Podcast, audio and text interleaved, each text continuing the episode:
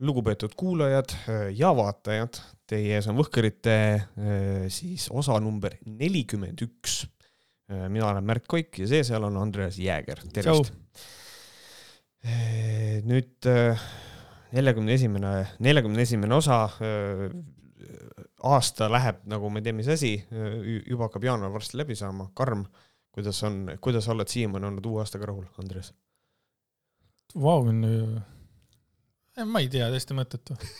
Mõttetu aasta, järgmine palun. et kuidagi mul on tunne, et ma ei, ma ei saa peale seda koroona asja kuidagi enda nagu seda, ma ei tea, flow ole õige asi, aga kuidagi nagu, mul on tunne, et minu, minu tüsistus ongi see, et ma olen full nagu läbi kogu aeg omadega. Mhm, okei, okei, sest et minul oli täna, minul oli täna selline suur üllatus, et äh, ma avasin lõpuks selle meili, mis Google mulle saatis, et ta tegi minu aasta kaks tuhat kakskümmend kokkuvõtte, mis ma olen, kus ma olen käinud ja ma vaatasin kaardi peal neid täppe.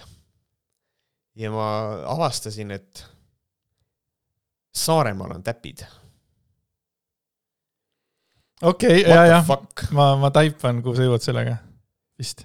ja siis, ja siis lõppkokkuvõttes oli see, et ma vaatasin seda ajaskaalat ja ma sain aru, et tegelikult päris palju asju tulevad meelde, et aa ah, jaa, õige küll, ma ju käisin jah, oli küll. et äh, mingeid asju ma avastasin, aa, see oli eelmine aasta alles või? Ma mõtlesin, et see oli kauem aega tagasi. et see on nagu huvitav. ma mõtlesin äh, ühte teist asja praegu, nii kui sa ütlesid seda, ma mõtlesin, et sa ütlesid Google ja kui ma mõtlesin, meil on siin Documents, Google dokument, ma mõtlesin, et äkki see kuidagi on seotud sellega. aa, ei ole. saad aru, et ma mõtlesin, et sa lõpetad selle lause niimoodi, no et ma olen käinud Saaremaal, aga ma ei käinud Saaremaal, aga ma tean, Andres, et sina käisid Saaremaal. ei, ei, see oli konkreetselt, mind oli pandud kaardi peale ikkagi et, äh, et ei, ma ja siis avastasin äh, iga, igasugust äh, täppe, kus kohas, et kas ma tõesti käisin küll ja oli küll jah mm. -hmm.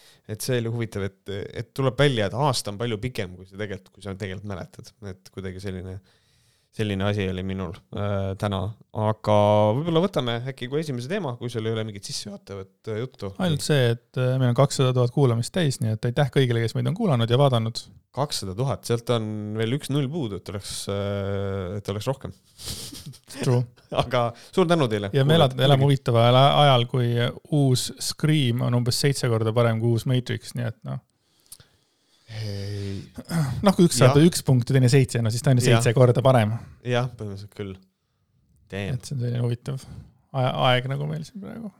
huvitav aeg indeed Ehm, võtame siis esimese teema, et äh, inimene, kellel on, oli ka eelmine aasta ilmselt väga-väga pikk, on ikkagi legendaarne Eesti jalgpallur, äh, kes otsustas ameti maha panna, otsustas tegeleda siis kihlvedudega, otsustas selle ka maha panna, siis hakkas ettevõtjaks ja nüüd teda sunniti ka see äh, maha panema ikkagi meie kõigi palavad armastajad ja nüüd on poliitik äh, ikkagi ka osalised. Elvis Brouer, räägime ikkagi Elvis Brouerist ka.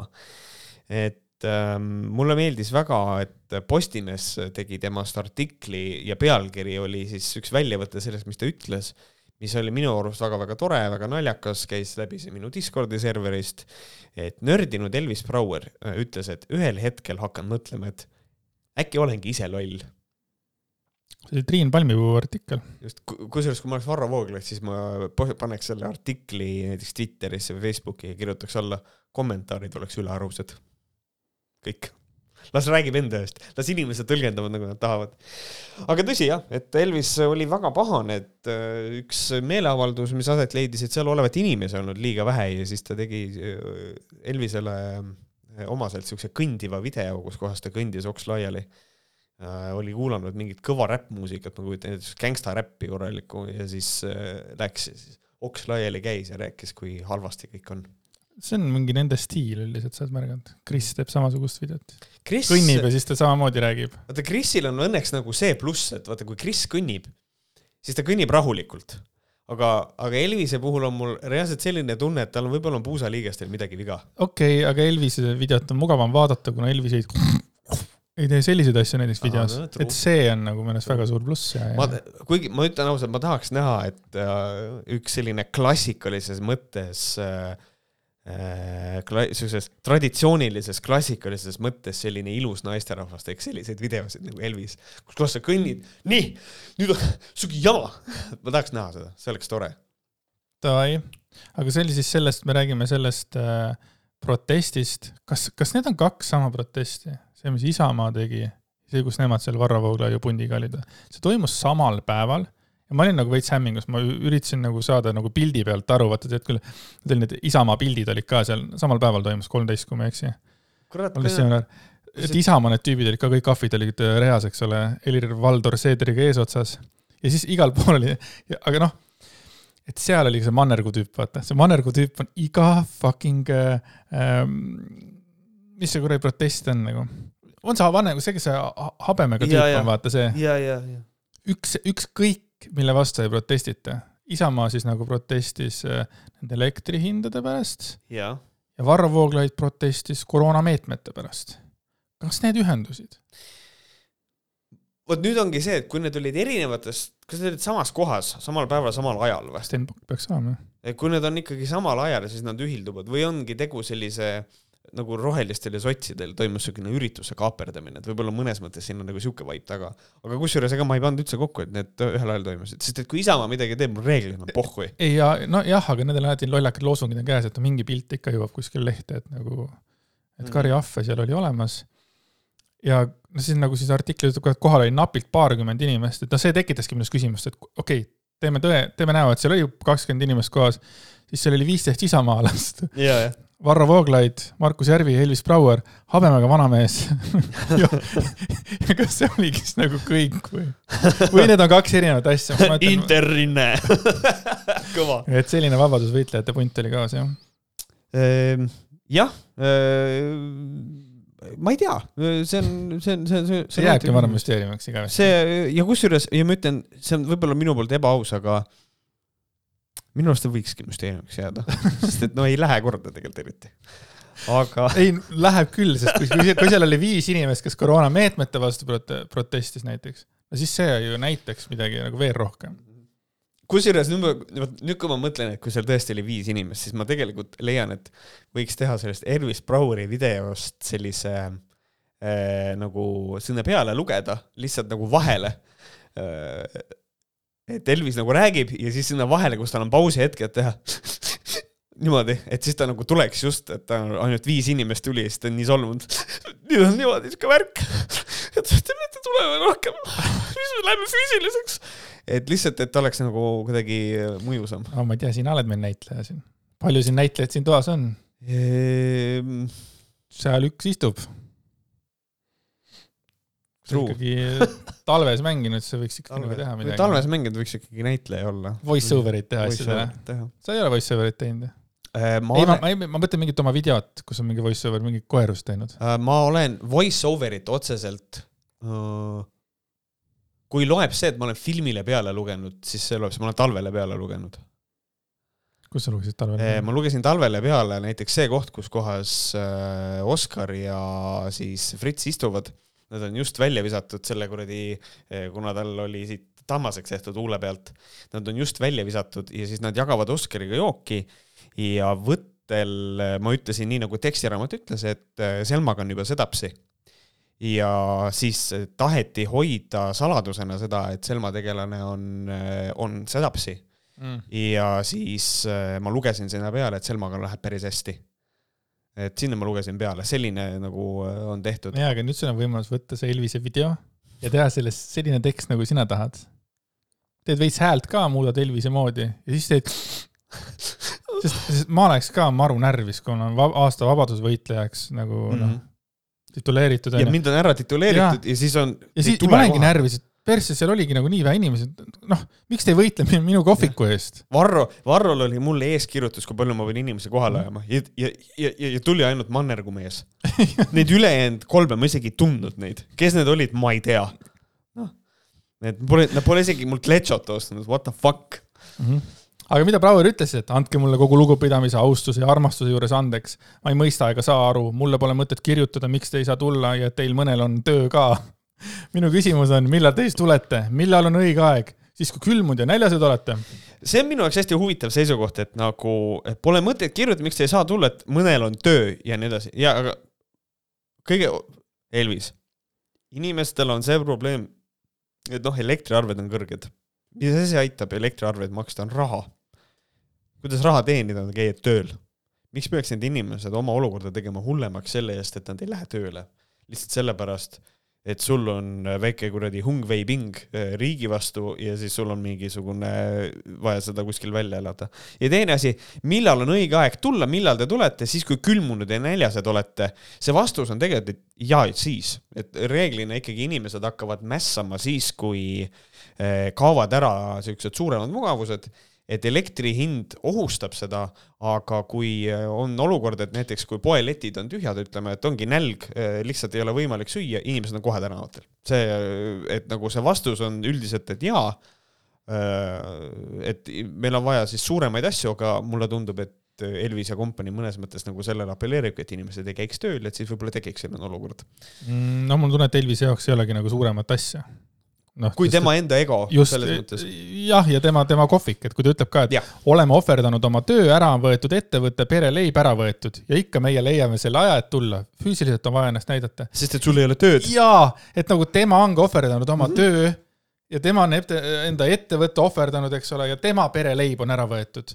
ja siis ta kujutab ette nagu, et nagu kõik peaksid siis nagu, siin on mingi suurushullustus, siin on juba suurushullustus on jah, ja nagu vahel on vaja öelda, äh, see võib-olla ebapopulaarne arvamus, mitte eriti, ma kujutan ette, aga see, et tal on see töö ja leib ära võetud Memm Cafe kohviku näol, ta on peaasjalikult selles ise süüdi mm. -hmm. et, äh, et siin nagu muud asja ei olegi.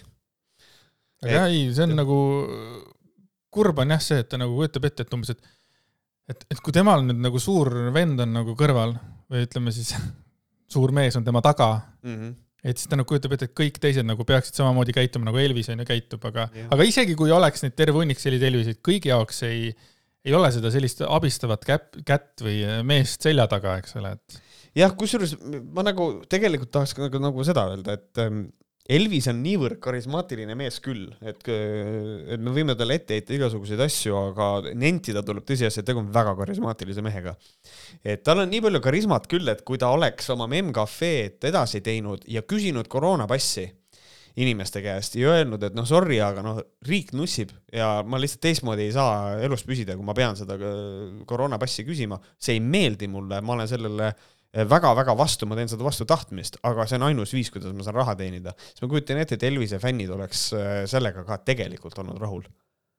Need, kes ei saa sisse, no ei saa sisse, aga nad oleks suutnud seda kuidagi austada. Nad oleks saanud mängida selle, selle, et noh, riik näed, et inimene tõesti ei taha ja ruineeritakse. ta otsustas seda mitte teha, nüüd tal ei ole enam kohvikut. ja kusjuures Äh, liigub ka kuulujutt, et see kuradi äh, saiakeste müümisega seoses see ettevõte, kes seal mingeid saiakese asju tegid, see müüb oma inventari maha. Äh, ma ei tea, kas see vastab tõele, aga kui see vastab Oota, tõele, it's huge. ma nägin mingisuguseid kuvatõmmiseid sellest, et vist tegeletakse inventari müümisega, aga taaskord ma ei ole selles kindel. Elvise kohviku või? jah mis tähendab seda, et siit võiks muidugi välja pigistada selle narratiivi, et see on võlgade katteks, aga, aga ma ei tea vaatame. aga jah, see, et oleme ohverdanud töö, ise süüdi, sada protsenti. aga kui lihtsalt Patreoni teeks, huvitav, palju tal neid jälgijaid oleks? et igakuiselt toetada või? Patreon, huvitav, mida ta pakuks neile, sajakesi? ta räägiks motivatsioonikõneleja, võib-olla teeks selliseid äh, vahvaid loenguid, nagu äh, tema sõber Pebre teeb näiteks midagi seminare teemal äh,. ei, ma ei mõtle seda, et äh, kus on nokitnomordid ja nokitordid on ju, vaid, vaid noh, mingisugune vabadusvõitleja, mingisugune ässitamine. Patreonis oleks jumala mugav seda teha keegi nagu ei kontrolli ka, teed mingit oma seda kihutuskõnet, on ju, tõmbad sõdurit sinna, vaata. kui paljasporgand on jõudnud Patreoni. Elvis ei ole kaugel paljasporgandist väga. Jah, ma olen nõus, et äh, selles mõttes see oleks tal teenimisvõimalus. ja ma tegelikult, ma veel arvan seda ka, et inimesed on nagu väsinud sellest äh, seal väljas passimisest, tähendab, väljas on passitud juba nüüd juba poolteist aastat või kuna see esimene väljas passimine tuli, ma isegi ei mäleta, no paar aastat põhimõtteliselt nad on käinud seal, eks ole, enamasti on samad tüübid, eks ole, et mm -hmm. ei viitsigi asja peale minna. ja, ja kolmandas kaaminas oli ka väga kehvalt oli see nagu organiseeritud, see, see meeleavaldus, seepärast et tõesti teisi mm -hmm. meeleavalduste seda promo ma olen nagu ise ka näinud, eks ole. jah, jah aga noh, see lihtsalt leidis aset, et noh, et, et siin ongi Elvise kommentaariumis oli ka ikkagi räägiti sellest, et ei jõudnud info kohale ja noh, aga see on reaalne probleem. ja Varro ei, absoluutselt ei jaganud sellest mitte midagi, välja arvatud seda ühte klippi, mis oli tehtud Kanal kahe poolt, kus tema rääkis yeah. sellest. tavaliselt ta ikka paneb pildid, vaata, kus noh, kus rahvas seisab ja ma ei tea, tal on mingi asi käes või mis iganes. Nope. aga mis Varro nende oma videotega teeb, ta lükkab selle mingi musta selle peale, oled näinud neid tema viimase aja videosid või? Et ta ei ole nagu tavaline video, vaid ta paneb nagu mingi filtri peale, nagu sihuke vanakooli siukene nagu mingi. äkki ta tunneb, et ta näonahk ei ole ilus, ma ei tea, ma ei tea, miks. ma mõtlen, kas ta üritab nagu, et video oleks ägedam või? ta üritab, ta teeb nagu mustvalgeks ja ma ei tea, mis Ega ta on selle asja nimi on. aga võib-olla ta tahab, vaata ta ikkagi kunstnikuna võib-olla tahab näidata seda, et elu on kunstnik. jah, ta on kunstnik. kun- ta on elukunstnik, seda mõtled? ei noh, et noh, miks ta muidu filtri peale paneb, ta on kunstnik, ta teeb kunsti. Noh. oota, aga kui, kui ma teen endast selfie ja panen filtri peale, kas ma olen ka kunstnik või? sa vist ei saa aru, mida ma öelda tahan. et ma tahan öelda, ma tahan öelda nagu seda, et aga äkki äh, Varro teeb nagu kunsti, et ta tahab nagu sümboolselt nagu näidata, et elu on väga sünge. ma tahan nagu seda väita. kurat, ma arvan, et ta ei lähe nii sügavale sellega. võiks. ma arvan ikka, et ta tahab, et oleks äge lihtsalt. võimalik, võimalik. Aga ütlen ausalt, ega ei ole täheldanud seda asja, tema seda, seda filtri asja. Mm. aga jah, taaskord ikkagi öö, mainime ära, reklaam, jube halb. et Elvise see pahameel ei ole põhjendatud. ta võiks oma meediaosakonna üle vaadata, kus on vist mitte ühtegi inimest, ma arvan, et öö, suht, suht ebaõnnestunud. muidugi see, aga see oli viral, kuidas ta oli pahane. see oli ju viral, sellel oli hästi palju jagamisi ja asju Mm. See ei, üldse tema videod ikkagi nagu levivad ju. mm. -hmm. et me ikka räägime mitmekümnest tuhandest levimised tavaliselt video kohta, et noh, kui nii võtta, siis, aga ta ongi lihtsalt, ma mõtlen, ta ongi lihtsalt nagu nii solvunud lihtsalt, et Jah. ta vist äh, saab aru, et tema see mõjuvõim ei ole ikkagi nii suur, nagu ta nagu mingi hetk nagu nägi, vaata. ja ei, ja see, ja see tekitab kohe trotsi ja pahameele. jaa, miks te ei tule, noh, mm -hmm. Miks ei tule minuga koos mängima? et äh, Topet, teeme tule mängima. ei, absoluutselt jaa, täitsa saan aru. ma vist isegi striimis ütlesin seda, et ma nagu tegelikult ma suudan nagu inimlikul tasandil temast aru saada, et noh, ta oligi, ta oli valmis, kurat, Memcafe juures oli Memcafe lahing raisk äh,. isegi William Koval ütles, et lahing on võidetud, mida iganes. ja siis on tule, ja siis teeme meeleavalduse ja inimesed ei tule. ma oleks ka vihane, muidugi, täiesti arusaadav. Täiesti arusaadav, jah teiega. ja siis äh, mulle meeldis ka see sihuke high fantasy, mis tuli, et äh, et ta ütles, et aa, et ma ei imesta, et varsti väidetakse, et Memm äh, kohviku köögipõrandalt on leidnud kaks kilo kokaiini, ehk siis ta siis viit-, üritab nagu viidata sellega nagu sellele, et teda üritatakse ikkagi kuidagi mingisugust kriminaalkorras, talle leitakse mingeid asja peale visata. et kriminaalkorras, kui inimene on karistatud, siis ta ei saa ju minna poliitikasse mind üllataks, kui Elvis Braur suudaks üldse poliitikasse nagu edukalt minna, ma kahtlen selles sügavalt. ta võib, ta võib populistlikus mõttes Riigikokku saada, aga poliitikas ma ei usu, et keegi teda kas Ruuben Kaalep on poliitikas või ta on lihtsalt Ehm, lihtsalt Riigikogusse sattunud? okei okay,, no me võime, me, me võime lõdvestada seda asja niimoodi, et küll tõesti, kui sa oled Riigikogus, sa oled poliitikas sees, onju. aga mina ütleks seda, et Ruuben Kaalep on rohkem poliitikas, kui, kui ma arvan, et Elvis Brouer oleks, oleks suuteline. et ma leian, et kui me peame ikkagi, kui me anname nagu ähm, võib-olla ebamugav seda öelda, aga Ruuben Kaalep on nagu intellektuaalsem inimene kohe kindlasti kui Elvis Brouer et ma arvan, et see inimene suudab ikka midagi nagu, midagi vähemalt argumenteerida, aga Elvis Brouerit ma, ma ei, ma ei usu seda elu sees. Ta on protseduuriliste küsimuste küsija, ta võiks istuda Grünthali kõrval ja võiks paukada seal kahekesti. selles mõttes poliitikas, sure. sa arvad, et temast ei ole siis nagu vastast nagu argumenteerimisel või? Elvis Brouerist? äh,. ei. tal on, tal on väga tugevat stiili äh,, aga tal on, tal on üldiselt komme klähvida üle ja väita ühte sedasama asja uuesti minu arust. nii palju, kui ma olen vaadanud tema neid äh, mingeid videosid, kus ta on, ta räägib ühte sama juttu kogu aeg. okei okay,, seda küll jah. ja siis ta ütles ka veel seda, et nad üritavad mind kriminaalkorras süüdi või seda ütlesid juba, ei olnud või? Ei öelnud vist no,. andsin mõista, jah. et, et poliitikasse ei saaks, et linnavarade komisjonist mind juba hääletati ühehäälselt välja ilma ühegi selgituseta, et see mm, -hmm. see oli jah päris pull, kui linnavarade komisjonist lihtsalt nagu öeldi, et ära, ära, ära tule ja kõik koos olid nõus, et ta ei tuleks, et mm, -hmm. et ma nagu täiesti mõistan seda, et ma, ma muidugi ei tea, mis on see nagu tagamaa, aga kui, kui mina ka näeksin, et seal on mingisugune inimene, kes on nii vankumatult, kellega ei ole võimalik nagu mingisugust kokkuleppeid teha või mingit kompromissi leida, on ju, ma ei tea, kas ma tahaksin teda sinna, et kuidas sa sellise inimesega, mida, mida selline mees teeb komisjonis, kus sul on vaja mingeid otsuseid vastu võtta, mingi leida mingit äh, ühist äh, mingisugust asja nagu. kelle, kelle üldine fookus on niikuinii kuskil mujal mm. -hmm et noh, tema fookus on mingi MEM-cafe lahingut pidada, et nagu siis ongi, komisjon võib otsustada, et kuule, et sul on fookus mujal, et tegele oma asjadega. saan aru sellest, jah. seda küll jah, ja siis ta ütles ka veel seda, et äh, füüsilist kohalolu on vaja ja võimalik, et ühel hetkel füüsilist vastupanu.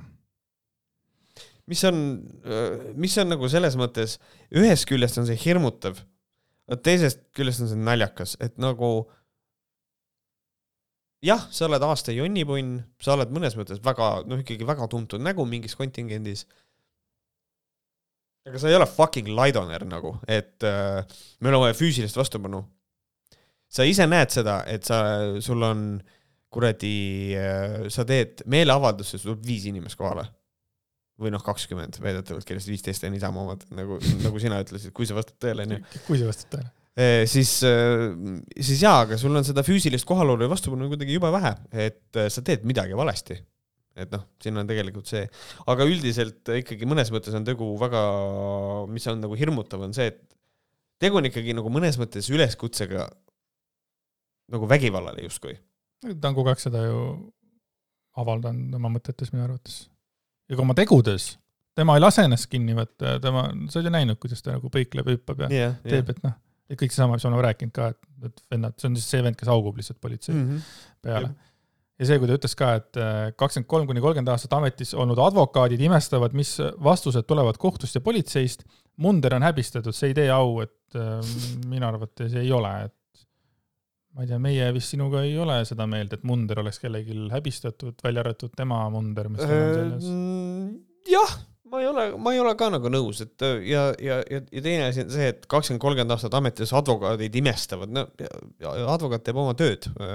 ma arvan, et see on, ma arvan, et siin on omaette asi ka. aga kas ta päriselt kujutas kakskümmend kolm kuni kolmkümmend aastat, mitte kakskümmend, kolmkümmend aastat, vaid kakskümmend kolm kuni kolmkümmend aastat, nüüd ta räägib mingist väga kindlast, kakskümmend kolm kuni kolmkümmend, mingist väga kindlast spetsiifilisest advokaadist. jah, kakskümmend kolm kuni kolmkümmend, see on, see on, see on huvitav jah.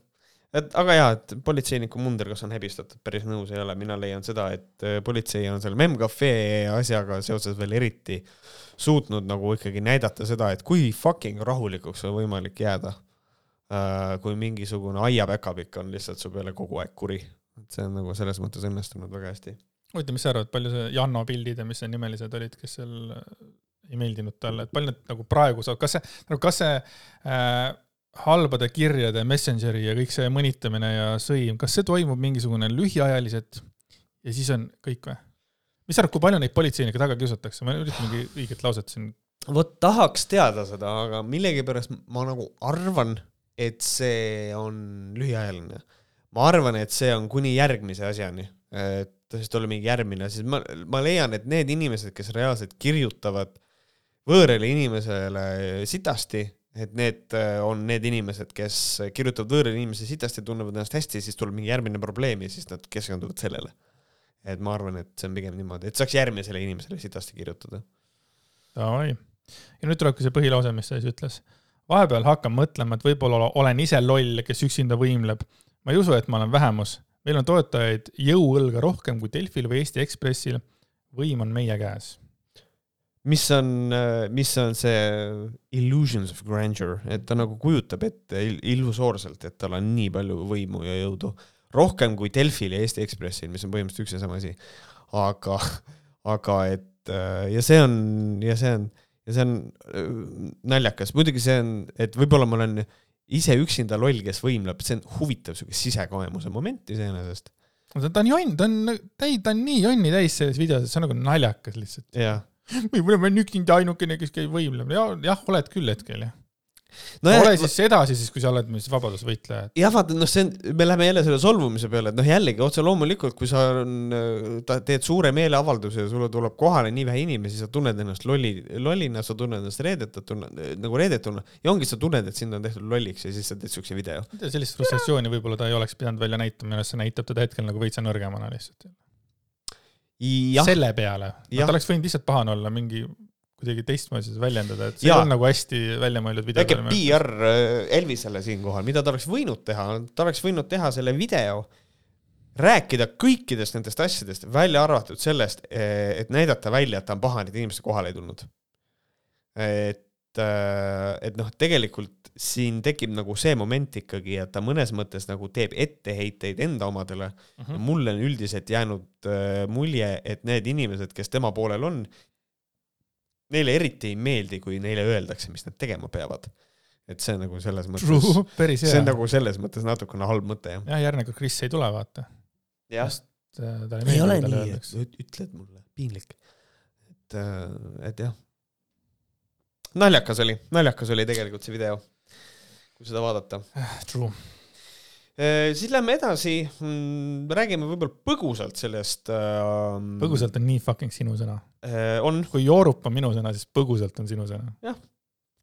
see on hea sõna, selle saab põgusalt ära öeldud et äh, energiakriisiga seoses siis veel üsna värskelt, veel täna oli, leidis aset Kaja Kallase poliitiline avaldus, mis on minu arust väga huvitav žanr poliitikas, mis on tekkinud, millega seoses siis äh, käidi välja, kui ma ei eksi, neid vist kaheksa äh,, mingid kaheksa mm, lahendust äh, sealhulgas ka pikaajalised lahendused, mis siis Opole väga ei meeldinud. Äh, et noh, et meil on kriis täna et aga te tegelete asjadega, mis on aasta, mingi aastast kaks tuhat kolmkümmend, mis on selles mõttes nagu minu silmis nagu täiesti debiilne seisukoht, et noh, me peame tulevikule ka mõtlema, et kui meil on näiteks on valikus see, et teha näiteks tuulepark kuskile kuradi äh, äh, kuskile merre, mis äh, Kaja Kallase sõnutsi võib toota kuni seitse gigavatti.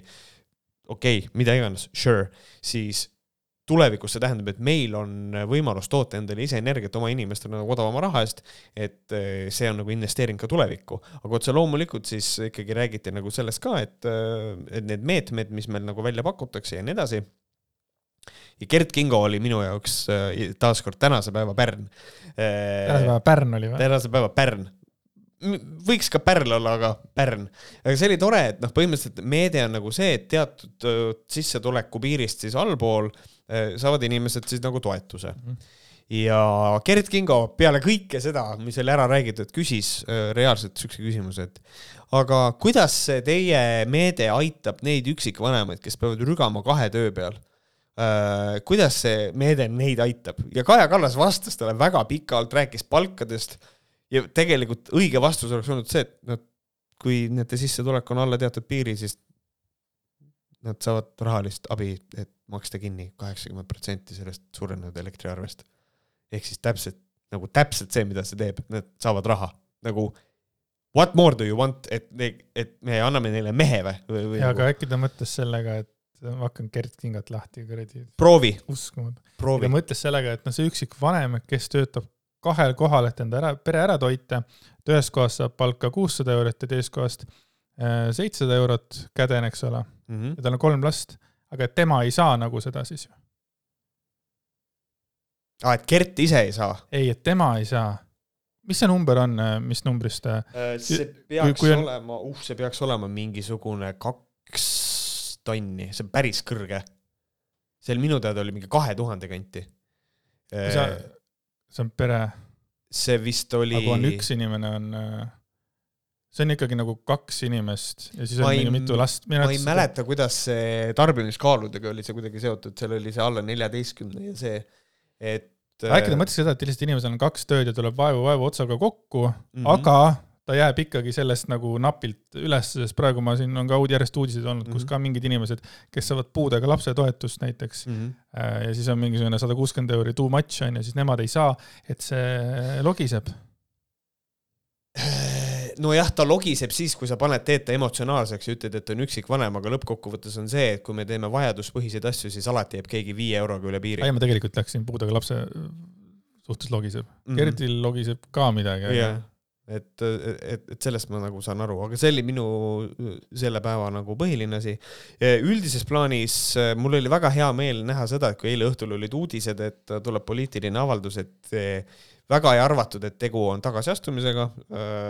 seda oli mul hea meel näha, sellepärast et me oleks ammu teadnud seda juba, sellepärast et kui keskkonnaminister astus tagasi, siis me teadsime eelmise päeva õhtul, kes on uus keskkonnaminister juba, et me oleks Kallase tagasiastumisest juba olnud teadlikud. et see on sihuke, mm, et arvata oli, et siit tuleb selline mingisugune selgitustöö, mis Opole ei meeldi ja ei meeldinudki. aga mitte ka koalitsioonikaaslastele, nagu ma aru sain.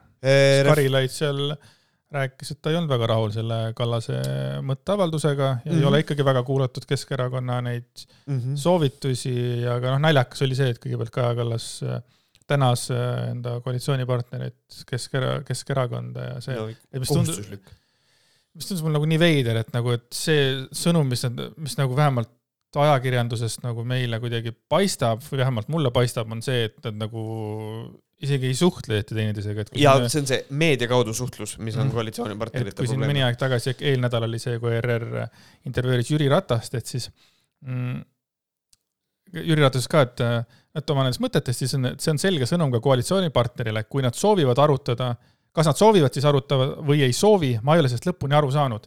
et seda ütles Jüri Ratas fucking mingisugune kuus päeva tagasi mm. -hmm. et juba no, kas nad siis soovivad arutada või ei soovi Nad ei saa sellest arugi, mis tähendab, nad koalitsioonipartnerid ütlevad, et me isegi ei tea, kas nad soovivad meiega juttu rääkida sellest teemast. mina saan niimoodi aru oma väikse. nojah, vaata, siin on veel see probleem ka, et noh, et võib-olla siin on ka mingisugune, et noh, tegelikult võib-olla on mingid dialoogid aset leidnud, aga võib-olla toimub läbi meedia mingisugune survestamine, aga noh, see ei tee olukorda mitte kuidagi paremaks, et selles mõttes eh, opositsiooni puhul on ka see, et opositsioonis on eh, saadikud pakkunud välja igasuguseid lahendusi ja siis nad on hästi mures selles, et, et eh, peaminister, et nad ei ole isegi neid arutanud aga ma ei tea, kas nad on häiritud sellest, et neid asju ei ole arutatud või nad on häiritud sellest, et neid ei ole kuulda võetud, et need on kaks väga erinevat asja.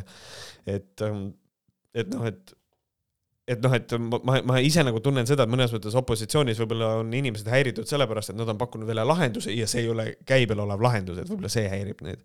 jaa, aga minu arvates on see kogu aeg olnud see niimoodi, et, et kui Reform oli opositsioonis, siis samamoodi ei kuulatud nende omasid mm -hmm. ja minu arust nagu see käib mingisugune jonnimine käib kordamööda ja siis see, kes läheb opositsiooni, nende, neid nagu ei arutatagi mm. -hmm. Ja. ja, ja mina küll usun, et seal, ma usun, et ka nende opositsioonierakondade seas nagu on mingisuguseid mõtteid, aga neid ei lasta ligi ja nagu ma aru olen saanud, ligi, ja nagu ma aru olen saanud, siis äh, Kaja Kallas äh, ei ole ka enda nagu, enda Reformierakonna seas nagu, ei ole ka nagu väga kuulda võtnud inimesi ja teeb mingisugust, vahepeal niisugune tunne, et ta mingisugust soolosõitu teeb, et äh, kui isegi need inimesed ei ole nagu enam tema, tema taga, et et äh, vahepeal jäi niisugune mulje, et noh, täna ma ei ole seda mm. täheldanud, aga et mingi hetk niisugune tunne, et nagu kõik hüppasid päästma, mida päästa annab, et, et ka jälle, et nagu lapsesuu jälle rääkis mingisugust noh, ebareaalset juttu, et ma, ma ei saa ähm. nagu aru nagu sellest üldse, ma tahaks nagu olla väikene mingisugune kärbes seal seina peal, vaadata, kuidas see kuidas koosolekud kuidas koosolekud käivad yeah., et,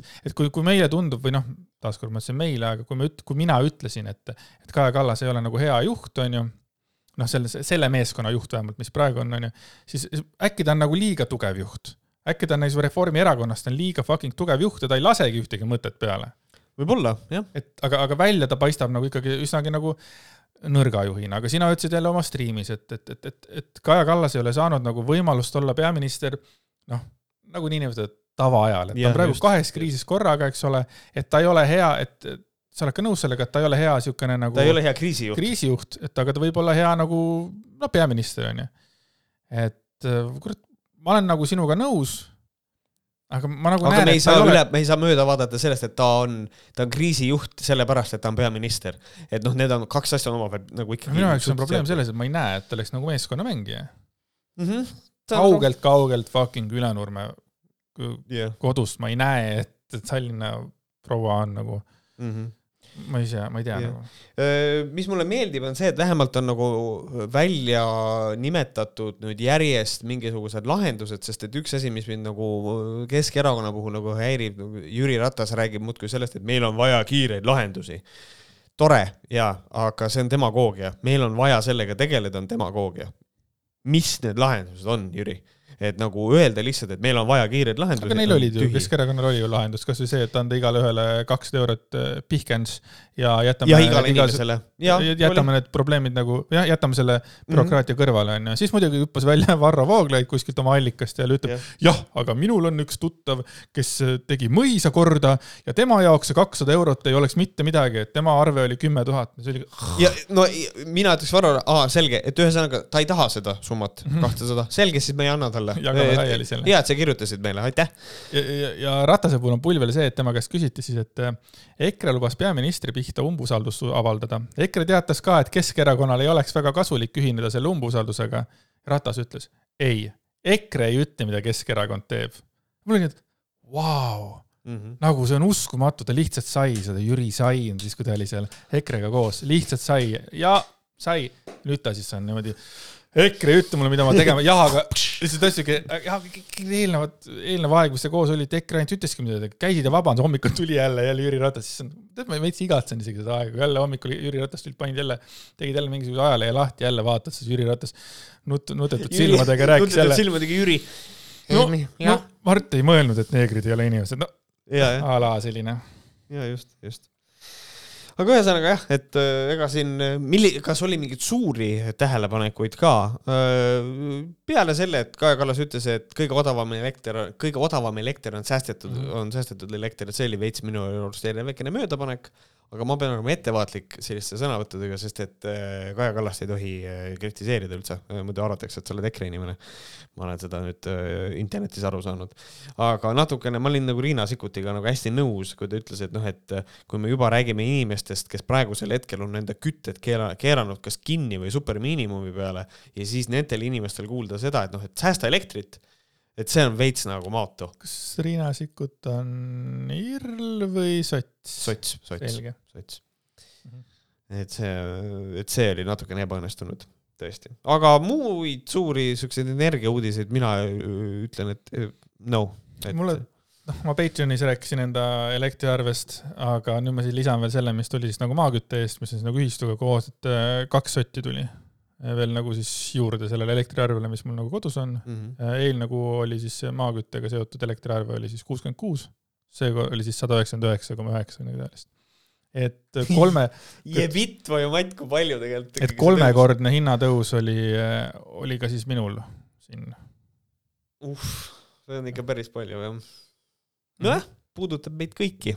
kui ma just hakkasin mõtlema, et aga, aga see nagu ei, ei puuduta minu seda toas olevat elektrit onju, siis ma juba hakkasin mõtlema, et hmm, äkki teeks see kuu sauna vaata igaks juhuks, sest keegi just ütles, et noh, kui sa sauna teed mingi kaks tundi, see on umbes kolmkümmend eurot ma küll elu sees sauna kodus ei tee, aga siis mul tuli meelde, oota, aga see ei ole ju seotud sellega, et kodus on mul ikkagi see tavaline pakett onju, et ma vist ikkagi teen sauna.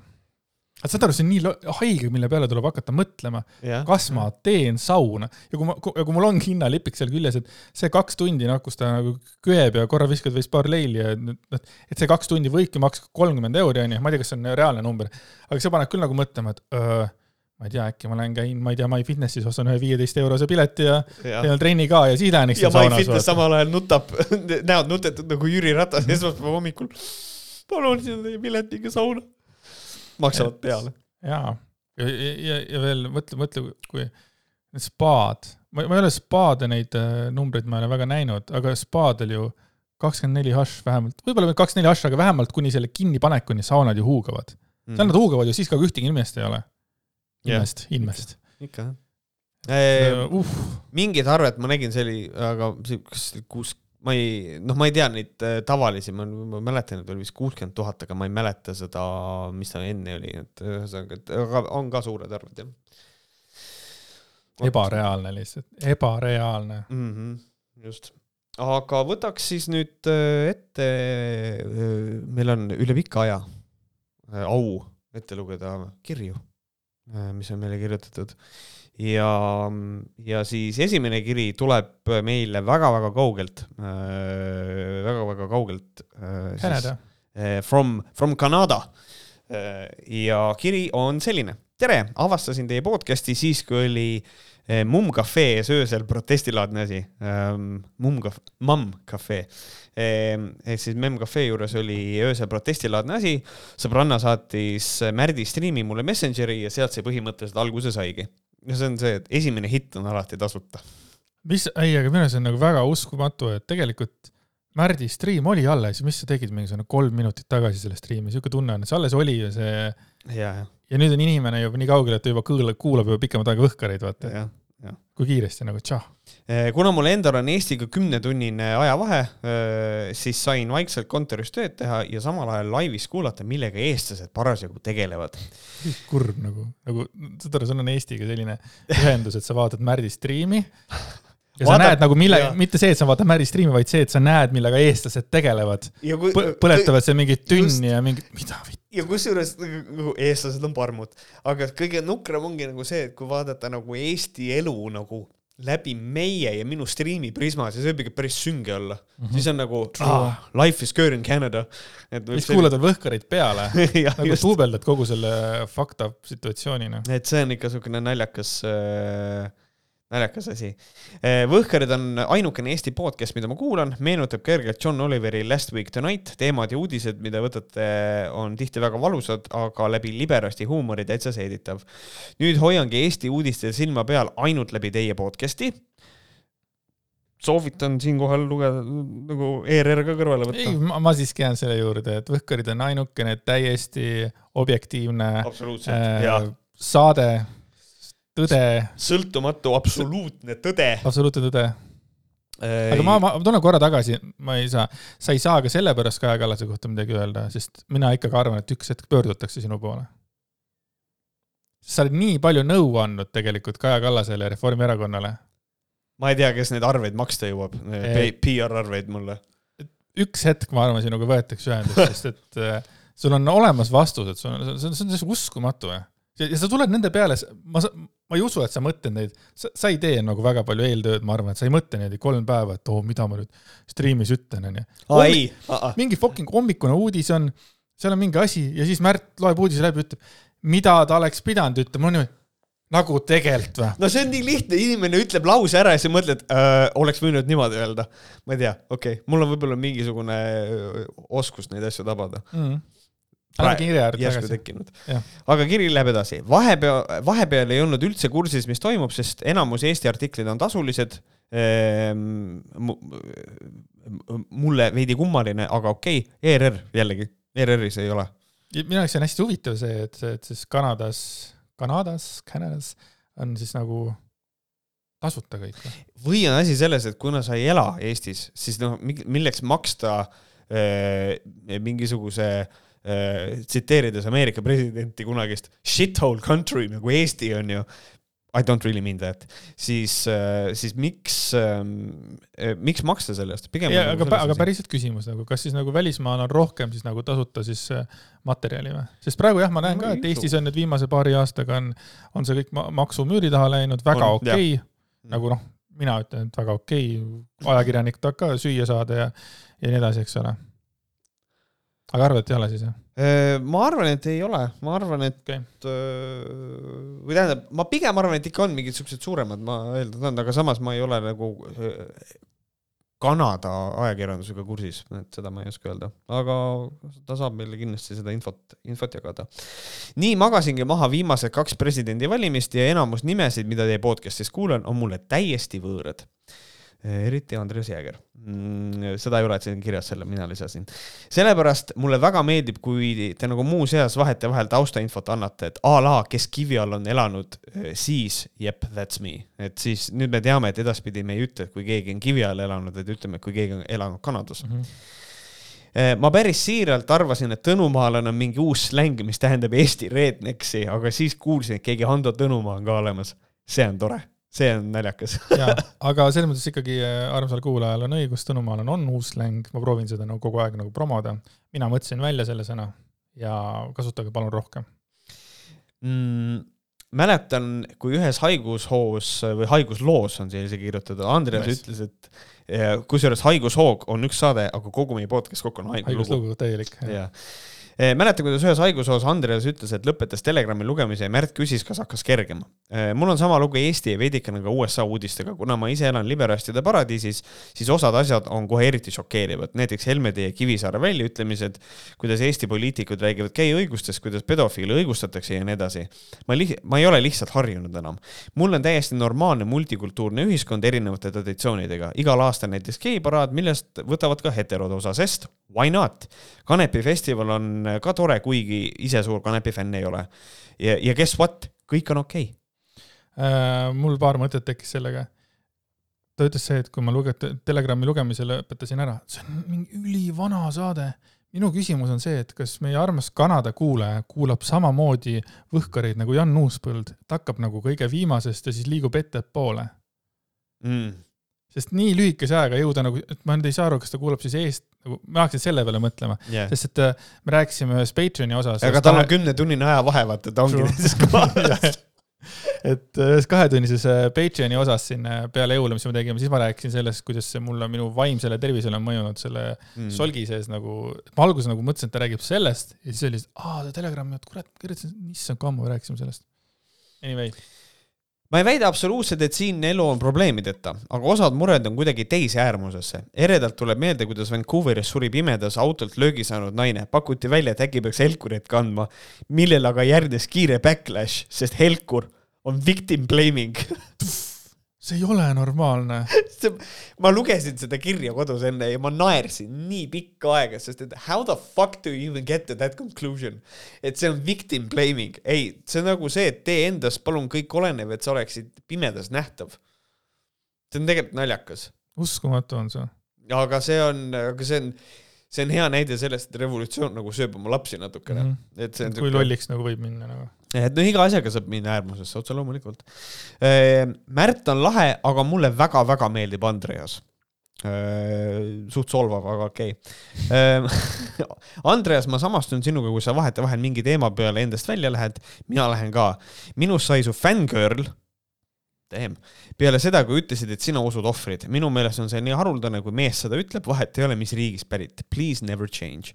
Äh, vabandan kirjavigade pärast, viimased kümme aastat on äh, kodune keel olnud inglise keel ja eesti keel on veidi roostes. Keep up the good work.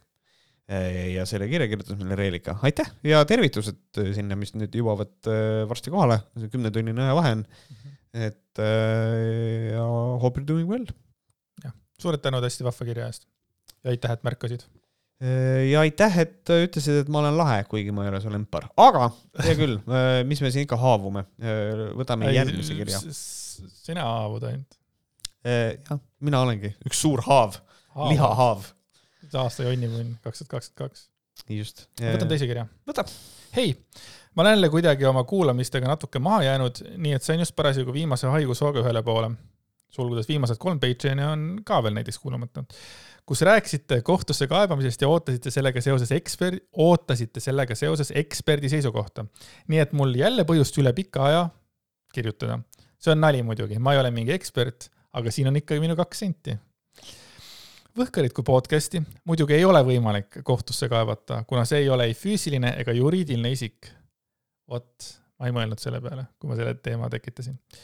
seega, kui te peaksite kelle kohta mingisuguseid ebaõigeid andmeid või ebakohaseid väärtushinnanguid avaldama, siis on võimalik jah, hagi esitamine üksnes kas teie mõlema või ainult ühe vastu. teoreetiliselt oleks võib-olla võimalik äh, kohtusse kaevata ka näiteks Spotify, kuna vähemalt Eesti seaduste järgi peab hagi esitama nende andmete väärtushinnangute avaldaja vastu. ma kujutan ette Spotify wow. lihtsalt mingi who the fuck are those two guys anyway nagu aga see oleks, see oleks, see oleks täiesti uskumatu, kui nagu äh,, nagu meie väljaütlemiste pärast Spotify mingi pan-, saab mingid trahvid või mingit asja. ja see oleks ka uskumatu, kui üks eestlane o- otsustab, et ei, see on see intelligentne asi, mida teha. Spotify, Spotify kohtusse. huvitav, kuidas Spotify'ga see nagu see madin võiks toimuda nagu,. Tundub nagu mingi tühi Ro- võimatu vist või? Robert Sarv kindlasti tahaks teha seda, sest et see on hea teenimine. saada, saadab Spotify'le jälle mingisuguse kahesaja eurose mingisuguse, ja, ja siis kasseerib muudkui arveid nagu sellele. täiesti uskumatu. avaldajaks võib ol- olla siis konkreetselt see isik, kes midagi ütles, kirjutas, aga ka see isik, kes selle enda kodulehele platvormile üles pani ehk kolmandatele isikutele teatavaks tegi. sulgudes see põhimõte tuleneb eelkõige Delfi kommentaaride kaasusest. Kuna aga Spotify vastu oleks vähemalt Eesti kohtus äärmiselt ebaratsionaalne minna ja ma ei ole ka rahvusvahelise õiguse spetsialist, et ma viitsiks selle võimalikkuse üle siin pikemalt arutada, siis ma rohkem Spotify kohta midagi ei kommenteeri põhimõtteliselt seega, kui näiteks ebaõigeid äh, andmeid avaldatakse ajalehes, saab hagi esitaja ise valida, kas ta esitab hagi selle ajalehe vastu või artikli autori vastu või nende mõlema vastu korraga. põhimõtteliselt oleks võinud tegelikult Varro tõmmata sinul äh, peanaha üle kõrvade. mitte pöörduda ERR-i käest, miks ta nii või see- seal tema tema põhjendus, tema põhjendus oli see, et ta ei, et ta ei viitsi tegeleda hilises puberteedias nolgiga, vaid et tema oli häiritud sellest, et ERR tiražeerib sellist sisu. okei okay., ma siis mõtlen, et kas oleks lihtsam olnud nagu sinu vastu minna aga, aga okei okay,, aga kas ongi koik oleks olnud juriidiline? Ei no ta läks ERR-i vastu kohtusse. okei okay,, kas Pealtnägija on mingisugune asi või? või sealt tuleb ka võtta sealt reeglina minnakse ajakirjanike vastu. davai. ei, saade ei ole juriidiline isik. kui minu juurde tuleks klient murega, et mingisuguses podcast'is keegi tema kohta valeandmeid avaldas, siis ma isiklikult esitaksin hagi vist küll konkreetselt selle isiku vastu, kes midagi ütles, kuivõrd tema vastutust on kõige lihtsam ja menetluslikum odavam tõendada. Tema ütles seega, tema on avaldaja. teoreetiliselt, kui Andreas ütleb midagi ja Märt hiljem saate ülesse paneb, võiks Märt ka avaldaja olla, aga üldiselt on kolmanda isiku, kolmandal isikul seda asjaolu keeruline ja tüütu tõendada ning ma isiklikult seda teed ei läheks. aga kui keegi kaebab minu kohtusse ja ma ei taha üksi sita sees olla, siis ma ütlen, aga Märt pani Märt Youtube'i pani üles. selle Youtube'i. et äh, mina oleks lihtsalt thank you, thank you. ei no pärast ma peaks hakkama tõestama seda. Sina ütled, et ma ei ole pannud, vaata. no siis ma valetaks, ma ei valetaks kohtule. True, sa oled väga aus mees. ei, ma lihtsalt ei taha kohtule valetada, sellepärast et kui mina sulle valetan, siis on pohhui. aga kui ma valetan kohtule, siis mul on valeütluseid, see on mina ei tea, mina arvan, et sa ei tohiks mulle ka valetada, see nagu teeb mul, haavab mind. loe edasi.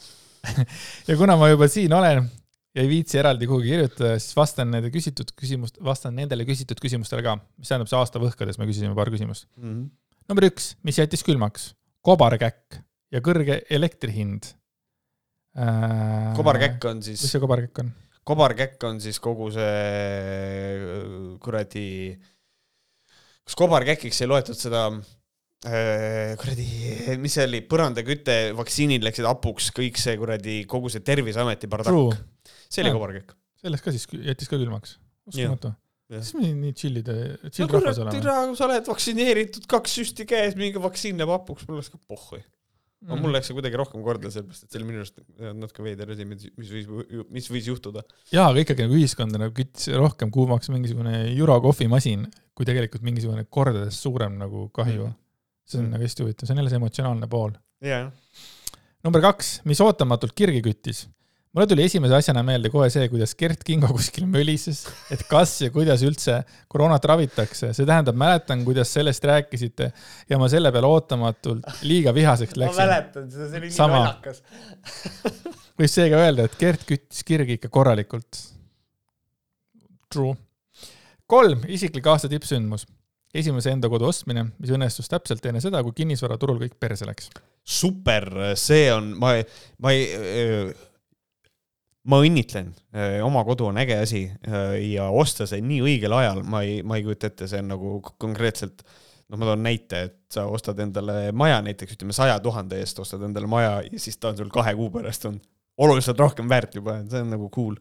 kuna see läks tuksi, ma kohe hakkas peas nagu käima, et kas siis, kas, kus, kuna no suvel oli juba tuksis onju, suvel mm Mhm. -hmm. olid juba hinnad, aga kas siis nagu täpselt ma ei oska seda, ma ma ei mäleta. minul on nagu meeles nagu terve see eelmine aasta hakkas kohe pihta suurte lennuga vaata, et aga noh, eks ta kindlasti teab uh, uus maja ostja paremini või noh, kodu ostmine. lõpetuseks veel Märdile palju õnne isaks saamise puhul ja teile mõlemale ikka lõppematut jutuvada. aitäh. aitäh, suur tänu. aitäh, et Märdile enne soovisid. jah, selle on meile kirjutanud keegi K, ma arvan, et ta on Kustas, aga ma ei ole kindel. Kustas Kikerpuu. Kustas Kikerpuu. aga aitäh kirjade eest, väga tore on lugeda, väga tore, et siiamaani äh, läheb korda äh, ja endiselt võite meile kirjutada, mis me küsisime siis meie siin äh, aasta võhkade saates, et äh, mis, mis olid need teemad, mis olid ühiskonnas küll olulised, kuid teid isiklikult jätsid külmaks, siis vastupidi, et mis äh, küttis teie kirgi äh, nagu üllatavalt ja siis, mis oli teie isiklik aasta tippsündmus. et äh, võite meile veel kirjutada. nüüd lähme, rääkides tippsündmustest, siis räägime ühest ähm, sellisest tippsündmusest Eesti poliitikas, mis on see, et meil on rahvasaadik, kes on mitte ainult rahvasaadik, aga ka inimene, kes on väga suur tegija meil transpordi valdkonnas nimelt on taksojuht ja see on meil Martin fucking Repinski, kes siis Delfiga sai vahva intervjuu maha peetud ja see oli üllatus, üllatusi täis, ausust täis vastused, siuksed, see oli päris huvitav oli, oli vaadata ja, ja kui ma seda lugesin, see oli täna hommikul, kus ma käisin selle silmadega veel ühe korra üle või üritasin avastasin, et Delfi oli maas täna hommikul, ma mõtlesin, huvitav, midagi kommenteerijad teevad, kui Delfi maas on. lühiajaliselt oli Delfi maas, et see oli suhteliselt naljakas mm. Ja siis hakkame algusest minema, et äh, juhtus siis niisugune asi, et noh, Martin Repinski jäi hiljaks ka äh, Intekale ja siis esimene küsimus, miks te hiljaks jäite ja Martin Repinski ütles, ütlen ausalt, magasin sisse tegin öösel taksojuhi tööd ja jõudsin koju alles pool viis, kuulsin isegi äratuskella, aga ei suutnud ennast voodist üles ajada. no bullshit nagu. no bullshit ja ma ütlen ausalt, I respect that, see on, mulle meeldib see ausus, see on väga lahe ja mina olen üks nendest inimestest, kes ütleb seda, et sissemagamine on täiesti legitiimne põhjus kuskile hiljaks jääda shit happens, aeg-ajalt juhtub, äh, eriti kui sul on tegu uneprobleemidega, nagu näiteks minul. Äh, mul on siiamaani meeles, äh, ma jäin, ma olen sellest hästi palju rääkinud, ma räägin seda ühe korra veel. ma jäin hiljaks, ma käisin teatrikoolis ja ma magasin sisse, niimoodi ma esimesse tundi ei jõudnud ja Kalju Komissarov nägi mind ja küsis, et miks sind esimeses tunnis ei olnud, siis ma ütlesin, et ma magasin sisse ja siis ta ütles mulle, et see ei ole argument. ja ma olen siiamaani hingepõhjani solvunud. What do you mean? kas ma pean siis astuma, kui ma magan sisse nagu niimoodi, et ma ei jõua esimesse tundi, kas, kas ma pean siis kodus tegema mingit musta maagiat, Kerro käest ostma kristalli ja avama mingi temporaarse portaali, milles ma liigun ajas tagasi, et ma jõuaks esimesse tundi või? What do you mean, et sissemagamine ei ole argument, ma ei saa aru, ma ju ei jõua, ma füüsiliselt ei jõua esimesse tundi. mil-, what? ta et... mõtles, et kus on sinu kohusetunne, noormees kohusetunne. no endiselt, mis see kohusetunne ajab üles inimest, reeglina on see äratuskell või kuni tees saab.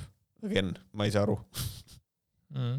on jah, vaata, siin on äh, olemas mitut erinevat sorti magajaid mm -hmm. ja, aga kas sa oled ka see vend, kui äratuskell mitu korda käib, kas sa oled ka see vend, kes paneb kogu aeg teda edasi ka või? jah, ikka. oledki jah? jah. Vau, see on nii wow., ma kujutan ette, kui raske võib olla, ütleme, kui keegi oleks sinuga suhtes, kes oleks teistsugune inimene mm.. mis seal läheks nagu hulluks nagu, tegelikult ka, Märt, tõuse püsti no.. ma olen abielus sihukese inimesega. aa, ikkagi? jaa, aga ah, ta okay. ärkab hommikuti nii vara, kui ta tööl käis. Ta ärkab ju, noh, ta on ju. tähendab, sinu kellade siis nagu ei sega teda jah, ta ärkas nii vara, et kui ma pidin ärkama, siis ta oli kodust läinud juba selleks hetkeks okay.. aga muidu ta ikka peksis mind üles, et, et.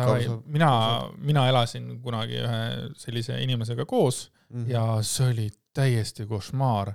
just seesama, et nagu, et mina sain, mina sain alati natukene kauem magada, minu ärkamine natuke hiljem, ja siis ta paneb selle kella tirisema ja siis kell tiriseb, paneb kinni magab, aga minu uni on juba rikutud, mul on juba perses, nii et noh, minu point on see, et tõuse nüüd püsti, ma riidesse, tõmba, tõmba nihhi, vaata.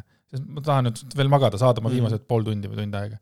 ei, siis kümne minuti pärast või seitsme minuti pärast, kuna see snuus käib, jälle paneb kinni nagu nagu te-, noh, seda mina enam ei maga, mina olen juba üleval peale seda esimest mm -hmm. kella, et, et, et ja, ja see oli, see oli päris suur probleem, sest minu uni on hästi õrn niimoodi, et noh, ma kuulan iga asja ära, mis nagu äh, toimub, eriti siis, kui peale mingisugust kella kahte või ma magan, ütleme normaalselt üheteistkümnest kaheni, siis ma olen nott mm. ja siis mul on üli, üliõrn uni ja see, see tekitas jumala palju probleeme ja see tekitab, tekitas minul probleeme nagu, nagu koos elamiseks selle inimesega, ma mäletan, tõsiseid probleeme ja. nagu hommikuti äh,. ei, ma saan aru, mina olen risti vastupidi, ma olen äh,, ma, ma olen maganud niimoodi sisse, et äh, mul oli telefon teises toa otsas riidekapi otsas, et ma kindlasti üles ärkaks, sest et kui mul on käeulatuses telefon, siis ma panen ta läbi une kinni niimoodi, et ma ei kuule ja ma magasin sisse äh, räigelt äh,. lihtsalt ärkasin üles, uni sai täis, mõtlesin, miks mu äratuskell ei helisenud äh,. ja ma mäletan selgelt, ma panin telefoni riidekapi otsa, teise toa, teise toa serva ja ma ei leidnud oma telefoni riidekapi pealt, sest see oli padja all.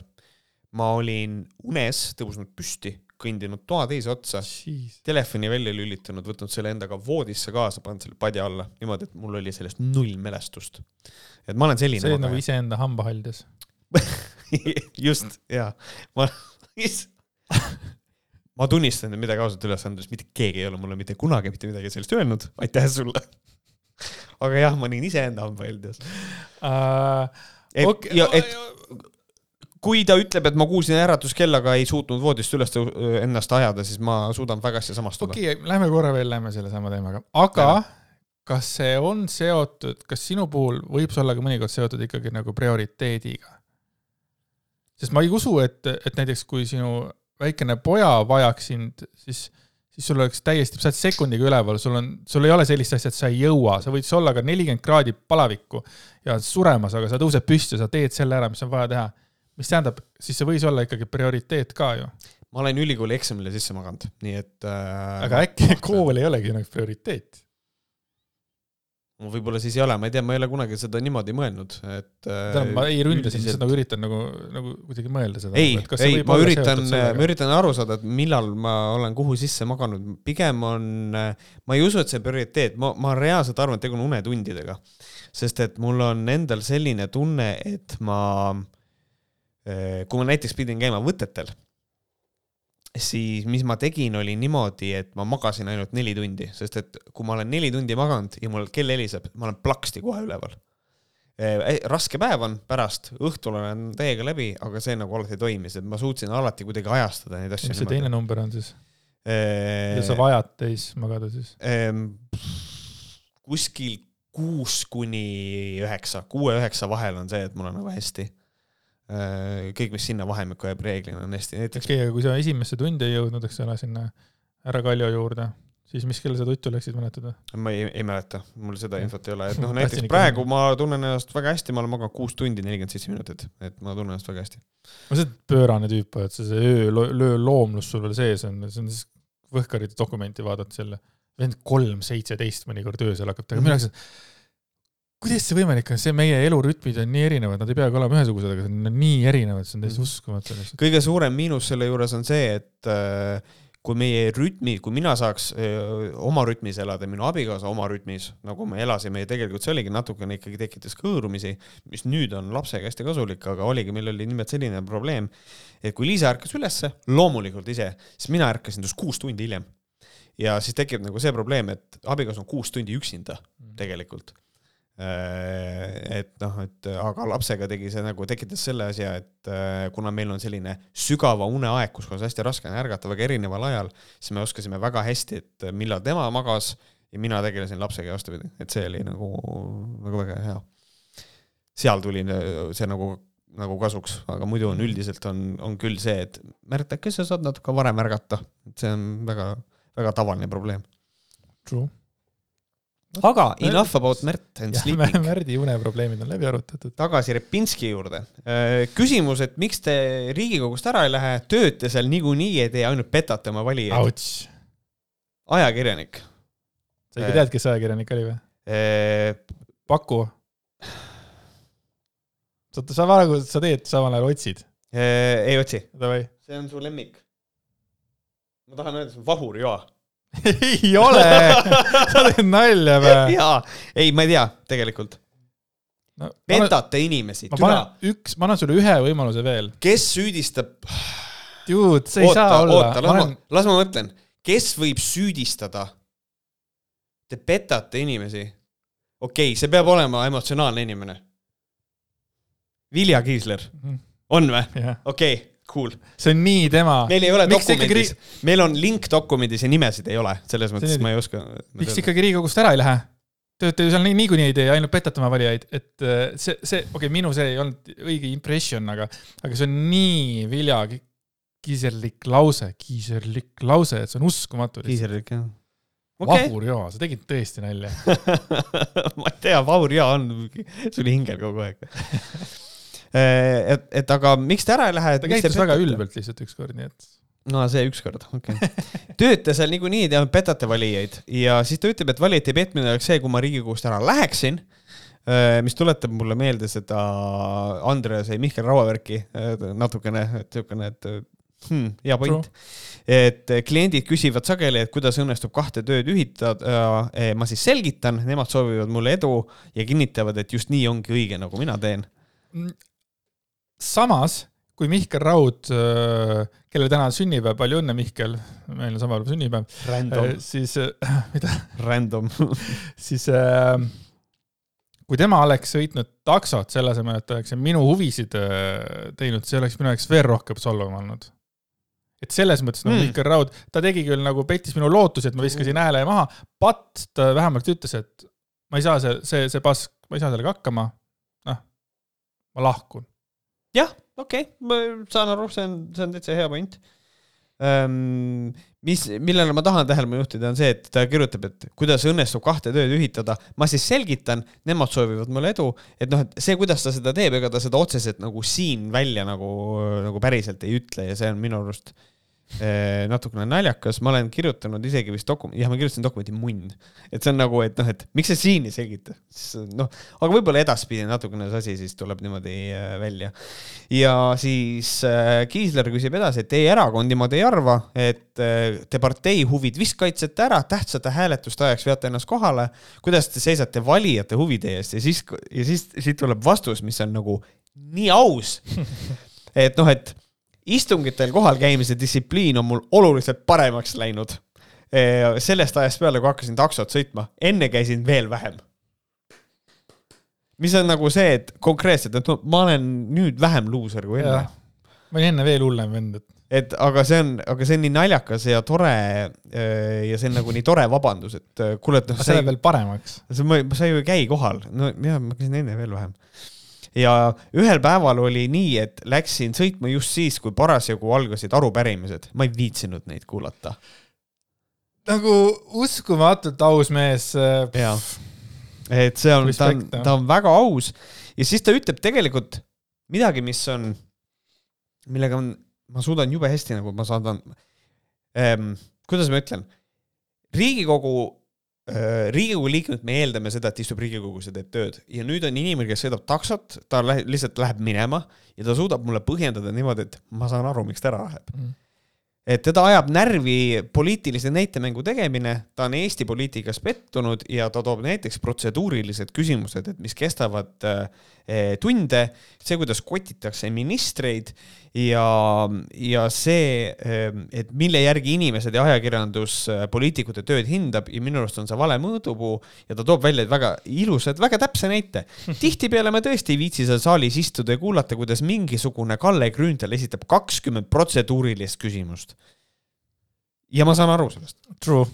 ma saan aru, sest et Grünthali täna ta esitas protseduurilise küsimuse, teda häiris see, et Kaja Kallase ihukaitse istus ta selja taga, sest et töökorraseaduses on kirjas, et on ainult saadikud ja, ja need ja need inimesed, et miks on, miks turva, miks see turva nagu, miks need on seal? et ta tunneb ennast ebamugavalt, kui turva on, istub ta selja taga ja, ja vahib ta kukalt see oli täna Kalle Grünthali probleem seoses energiakriisiga. teist, teistpidi mul on nagu väga kahju, et Martin Repinski annab nii palju nagu võimu Kalle Grünthalile, et Kalle Grünthal vastutab tema tunnete eest.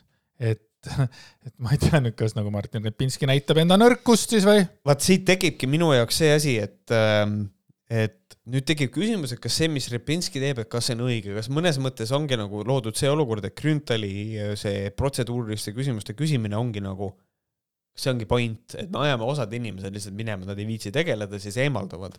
ja nüüd võib-olla mõnel inimesel tekibki küsimus, et noh, et aga tegelikult mida siis Repinski peaks tegema, et kas ta peaks tegema oma tööd või ta peaks siis ongi eemalduma ja tege-, sõidab taksoga, et siin kohapeal tuleb mängu see, et inimesel on mandaat ja ta, ja poliitik on sõltumatu, ta on oma mandaadis vaba, ta võib oma mandaate kasutada nii, nagu ta tahab. Ja lõppkokkuvõttes, kui ta ütleb, et mind ei huvita need protseduurilised küsimused ja see arupärimine, siis ta võibki ära minna, et selles mõttes jah, siin on nagu võime filosoofiliselt läbi mingisuguse moraalse küsimuse esitada, kas tegelikult on õige, siis ma ütlen, noh, mina, mina leian, et ei ole, aga inimlikul tasandil ma suudan Repinskist aru saada ja see hirmutab mind natukene. Kalle Grünthali, ma ei tea, palju on neid tegelikult, neid inimesi, kes suudavad seda nagu tema neid protseduurilisi küsimusi nagu nautida mm. -hmm. kas, no ma tean kindlasti, kes see on, Kert Kingo, kes samal ajal Helir-Valdor Seedri pead hõõrub, see Monika äh,? see oli Kingo vist. Monika Helme siis naudib, tema on väga naerab onu Heino naljade peale, Mart Helme muheleb ja nüüd ka Siim Pohlak. et hetkel on siis nagu neli inimest nagu, kes naudivad selle idioodi äh, sõnavõtte. Stand-up comedy kohalik ta arvab, et on, down tragöödia. sihuke. aga jah, ta suutis ikka see Martini nagu ära ajada sealt siis, taksot sõitma. võttis nagu hulluks Jah. lihtsalt. viitsis Kalle sitta võitis. kuulata nagu. selle, selle lahingu võitis Grünthal. oh ja siis Rebinski kirjutab, et noh, ta ei ole oma fraktsioonis äh, ikkagi ainukene inimene, et ta on ikkagi ka meeskonnamängija ja ta lubas, et ta istungitelt enam ei puudu. Ja siis ta ütleb, suudaksin küll põhjendada, miks ma seal olema ei pea, aga kui sellest tekib probleeme erakonnal või fraktsioonil, siis ma ei tee nii. mis on nagu no, tegelikult mõnes mõttes, et okei okay,, selge, peab oma sõnast kinni. et, et äh, Andres on kirjutanud dokumenti, et on süüdimatu, mina ütlen, et ta ei ole süüdimatu ta on täiesti süüdimatu. sellepärast süüdimatu oleks see, kui ta ei, et ta ikkagi istungitel ka ei käiks, aga ta ikkagi tuli vastu. süüdimatu on pigem nagu see jutt, mida suust välja mis on ühtemoodi ülimalt armas, aga teistmoodi nagu ta, ta on nagu, doesn't care. mm. -hmm. nagu kõik, mis ta nagu ütleb välja, tal on nagu kuidagi nii, kuidagi ainult Kalle Grünthal ajas ta korraks ta närve ja kõik muud on nii, et noh, ma ei viitsinud, ma magasin sisse, mul on suva äh,. Ma ei tea, Või siis noh,, siis kui teistel oleks, Lähen no siis ma, siis ma läheks, muidu ma ei viitsi minna, aga kui teist no,, kui tekib probleem, näe küll. ja see oli ka, ma kujutasin ette ka nagu koolipoissi nagu, et siis, et äh, Jüri seal ütleb, et noh, et äh, ja siis, et no ma luban, et ma istungitelt enam ei puudu nagu. Täpselt nagu täiskasvanud mees nagu, et nagu, ma ei tea.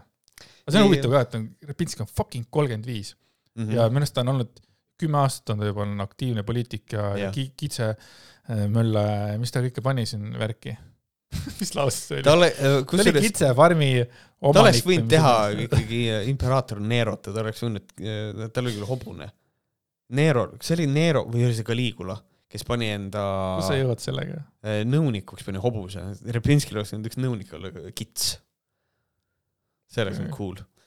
Aga siis Kiisler küsib edasi, et mismoodi tema valijate huvide eest seisate. siis ta ütleb, et see on praeguse poliitika suur probleem ja mitte ainult Eestis, et poliitikud on inimestest liiga kaugel.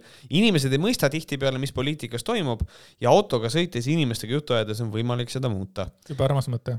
see on, see on armas mõte, ainult et poliitika ja valija nagu lähendamine sellisel kujul on väga aeglane protsess, aga you know what, ma kiidan, et vähemalt ta on nagu äh, võtnud sihi, et see on see, kuidas ta seda teeb, et ta nagu viib poliitikat vähemalt taksos inimesele nagu lähemale.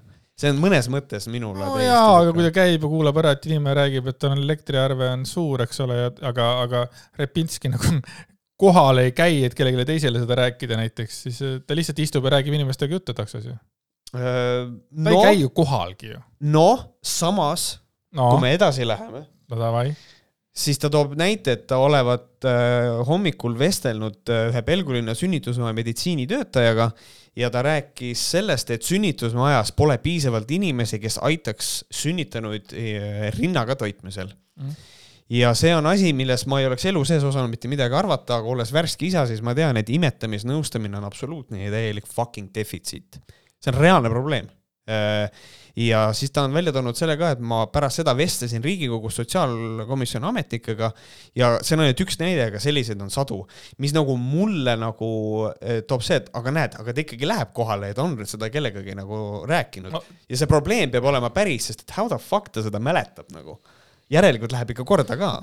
ei no tal võib korda minna, mulle lihtsalt tundub see, et ta lihtsalt kuuleb mingisuguse inimese seda mm. -hmm. taksojuttu ja siis siis ta läheb, ütleb mingi se- sellele sotsiaalkomisjoni ametnikega, ega sealt nagu edasi midagi ei lähe. Ja siis, kui see me siin liigume aga see natuke nihilistlik suhtumine ei ole natukene liiga, ma mõtlen selle pealt, et kas tal siis ei ole mõtet rääkida neid ametnikele või? mis siis saab, et, et inimene ütleb Repinskile, et kuule, et tegelikult siin on ilge jama, vaat siukse asjaga. nüüd tekib okay. küsimus see, et kuna me oleme nii kaugel või noh, mina olen nii kaugel sellest Riigikogust ja sellest asjast, siis ma tahaksin teada, kuidas see asi käib näiteks, et kas, kui Repinski kuuleb mingisugust lugu kellelgi, mis juhtus, kas ta läheb siis räägib sotsiaalkomisjoni mingisuguse ametnikega või see peaks olema mingi Keskerakonna tulevane plaan, mida hakata nagu äh, korda, äkki, äkki peaks Keskerakonna mingi inimestega rääkima, see panema mingi plaaniks, et seda asja läbi suruda või ma ei saa nagu, kuna ma ei tea seda kodukorda sealt, siis sellepärast mulle tundub see nagu veider, et, et kas siis nagu iga inimesega, kes räägib oma mingisugust kurba lugu, mis on ilmselgelt on nagu noh, iga inimese mure ongi kõige suurem sellele inimesele. mm. -hmm. jah, otse loomulikult ma saan aru, aga samas, selles on see küsimus nagu no minu jaoks. samas Repinski tegelikult edaspidi ka seletab seda asja, et kõigepealt sa pead ametnikuga arutama, kuidas see või teine tehniliselt käib, siis fraktsiooniga, siis koalitsiooniga ja lõpuks on vaja siis, siis see otsus langetada, kui see jõuab koalitsiooni., ja siis meil tekkis See on väikene arutelu äh, Märdiga või noh, või, või valesti arusaamine äkki või, kui ta siin, oota, mis ta ütles, et äh, kahjuks on riigikogulased töö niisugune, et päevapealt ei saa midagi lahendada. küsimus, et kas need rinnaga toitmise probleemid said lahendatud? nii, ja siis ta ütles, kahjuks on riigikogulased töö niisugune, et päevapealt ei saa midagi lahendada, oleksin ma sotsiaalminister, siis saaksin küll. Mhm. mina kirjutaksin, sotsiaalminister saab kõiki probleeme lahendada, küsimärk, milleks ülejäänud tegelasi seal vaja on. ma ei mõelnud seda, et ülejäänud Riigikogu, vaid ma räägin, kui ta räägib sellest, et siin tuleb, ta läks kõigepealt mingi sotsiaal, mingi ametnikuga rääkima ja nii edasi, aga nüüd ta ütleb mulle, et kui ta oleks sotsiaalminister, Mhm. siis ta saaks küll. minu jaoks tekitas see see oleks nagu probleemile lähemal, jah. Et mi- miks ta siis üldse, miks ta siis üldse mingi ametnikuga, sotsiaalkomisjoni ametnikuga räägib, kui sotsiaal fucking ministril on nii suur võim, et äh, isegi rinnaga toitmise probleemid lahendaksid ära. miks seda ülejäänud sotsiaal, kuradi seda nõunike asju siis vaja on? see oli see minu küsimus, mitte nagu et miks ta, et miks ta ametnikega räägib, et miks ta ei lähe kohe sotsiaalministri juurde, sa mõtled seda või? üldse, miks siis mingi sotsiaalministeeriumit vaja on, kui sotsiaalminister lahendab kõiki asju. Martin Repinski ütleb ju seda ju. Oleks ma sotsiaalministriks, siis saaksin küll no,. sotsiaalministril on ju kogu ministeerium, kellel on äh, oskused ja võimalused asju läbi viia, et selles mõttes, et ministril, minister on ministeeriumi pea, seega ministril on suhteliselt suur võim, jah. Et kui ta oleks sotsiaalminister ja taksojuht, siis oleks äh, tal lihtsam jaa, aga minu lihtsalt, minu jaoks ei läinud nagu need äh, jutud äh, kokku, et kõigepealt ta rää- räägib mingi suvalise vennaga, et kellelgi oli probleem, eks ole, aga kui Mhm. sotsiaalministril on nii suur võim, siis ta oleks võinud kohe sinna minna ja oleks saanud probleemi siis ära lahendada siis või? See oleks olnud minu jaoks on see väga huvitav, et sotsiaalministril nii suur võim on. mul tekib see küsimus, kas see, kas see on nagu tõsi, on mingi probleem, sotsiaalminister kohe, ahah, teeme ära või? kurat, ma kahtlen, et see asi nii. ma ei, ma, ma päris täpselt ei saa, kui talle oleks läinud, kui tal oleks näiteks äh, äh, asi ei ole, et tegu on sotsiaalministriga, asi on selles, et tegu on ministriga, et nagu selles mõttes, et kui tal oleks taksos olnud keegi, kes räägib, et kurat, et maal on vot, maaelus on vot sellised probleemid, siis ta oleks öelnud, et kui ma oleks maaeluminister, siis saaksin küll. ta toob ka näite sellest, et kui ma olin maaeluminister, siis helistasin kohe sekretärile, siis sealt läksid kõik edasi, et on nagu rohkem pulli, vaata kohe et see ongi, mida tema nagu mõtleb, on see, et ähm, et kui ta oleks minister, siis tal oleks, ta oleks probleemile lähemal, ta saaks sellega kohe tegeleda, aga selliste obskuursete probleemide puhul nagu, et imetamist, nõustamine, kui sinu etteheide on see, et miks ta kohe sotsiaalministri juurde ei läinud, kes äh, on noh, ta on ikkagi koalitsioonierakonnas, eks ole siis küll jah, saada, saada meili, esita küsimus, et miks sa ametnikuga siis rääkisid või oli lihtsalt vaja ametniku käest kontrollida, sellepärast ametnikud selle jaoks põhimõtteliselt ongi. et Mm, si- vist siis ma natuke nagu saan aru. räägime kuidagi, ma ei ole nagu sinu, sinu mõtetega võib-olla ikkagi ka, ma, ma, ma mõtlen mingit natuke kuidagi, võib-olla ma ei oska nii hästi selgitada nagu sina. aga see, see ongi nii, et ta, et see küsib ka veel, Kiisar, kas see rinnaga toitmise probleemid lahendatakse ära, siis oleksin ma sotsiaal, esiteks ta ei ole, ta ei saa mitte midagi teha, ta rääkis enne seda, et ta rääkis mingi ametnikega, eks ole, et noh, sama hästi ma, ta oleks võinud öelda, oleks ma Donald Trump, siis ma oleks seda teinud, et noh, see nagu, ma, ma ei tea, see ei päde minu jaoks, lihtsalt. ja kui ta räägib ka seda maaeluministri asja, siis kas maaeluminister siis äh, saab ka ise mingeid asju siis lausa niimoodi teha või? siin ta räägib ka ikkagi, et siin nagu pikem jutt on, et helistasin õhtul sekretärile, tema helistas Priia di- direktorile ja siis k- mingid inimesed olid tema kabinetis, siis hakati tegema, siis ei ole ikkagi asi päris nii ju. jaa, et oleksin ma sotsiaalminister, siis ma lahendaksin rinnaga toitmise probleemid ära kohe. jah, sest et kui ta oleks, kui ta oleks see minister ja ta võtaks selle teema ülesse, siis see oleks, ta saaks tõstatada selle kui suure probleemi, millega on vaja tegeleda, sest et tal on see võim olemas. aga kui ta on pisikene mutter Riigikogus, siis on seda väga raske nagu teha. siis on mõttetu see, mis ta juba täitsa alguses rääkis, et oo, nüüd ta on seal ja viib mured eh, lähemale. Kui ta on, kui nüüd ta on nagu tühine väikene mõttetu tegelane. kuna ta on väike tühine mõttetu tegelane, siis ta lähebki äh, sellesama ametniku juurde ja, ja käib pikemat rada selles mõttes, mm.. siis ta ei räägi vastu. Davai, teeme nii.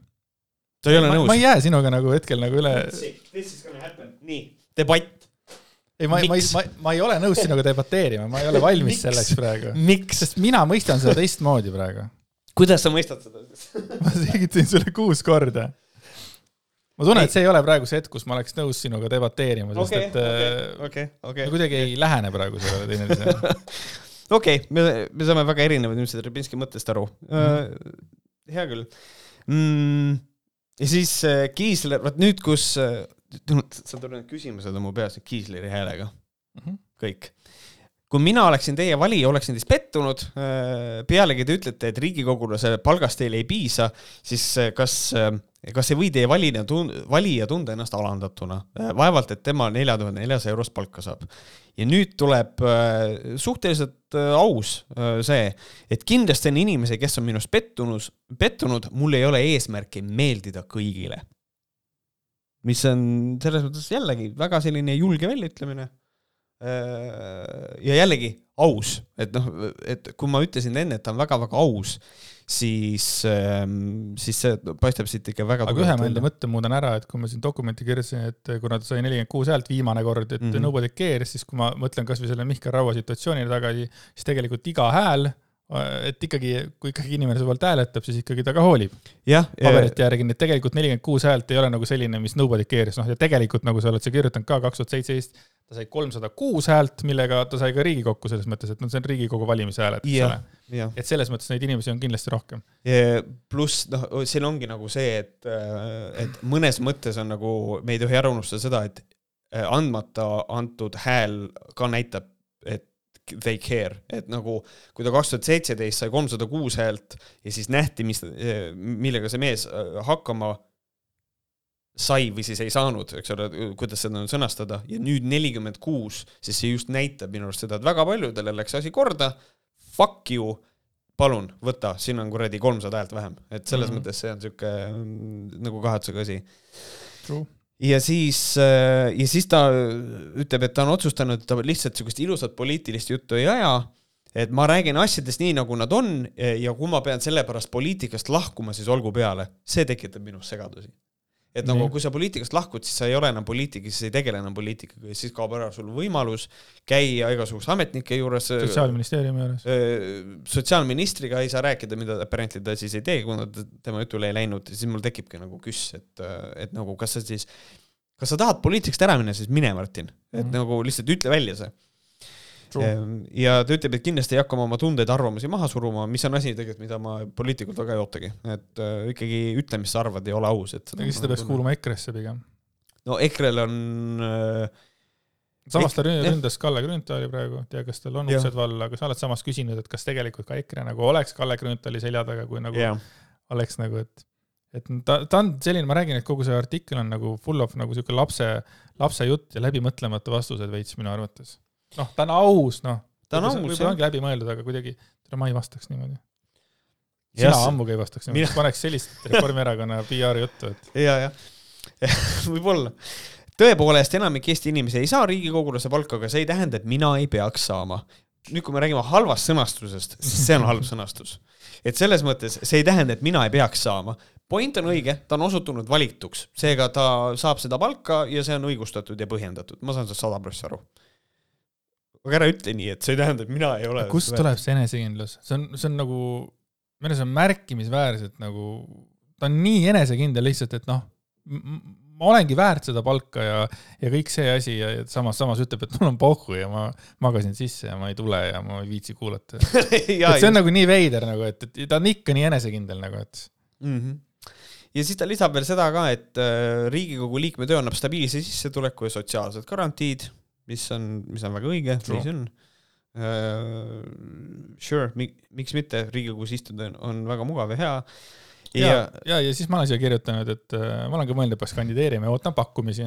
et Jah. ma noh, kes soovib mind nagu punti, siis äh, ootan pakkumisi. ma hakkasin mõtlema, kui selle ära kirjutasin, okei okay,, davai. aga kelle pakkumisi ma ootan täpsemalt mm. mm? -hmm. ma ei tea, kelle pakkumisi ma ootan, ma ütlen praegu, et ma ootan pakkumisi, aga mul ei ole kellegi pakku-, pakkumist. Eesti kakssada on ainukene, kelle pakkumine mind võiks huvitada, aga äh, härra Reinaas käib äh, süüdimõistetud pedofiili raamatu esinemisel õlmitsemas ja mulle tekitab see probleeme. Mm -hmm. sest mulle nagu Reinaasi nagu mõtted on siiamaani väga meeldinud, onju. ja siis, kui keegi kirjutas ka, et ah hea küll, pohhu, see on mingi Twitteri siseinfo, aga et kuidagi nagu, et nagu mingi üks inimene rikkus minu jaoks nagu erakonna ära.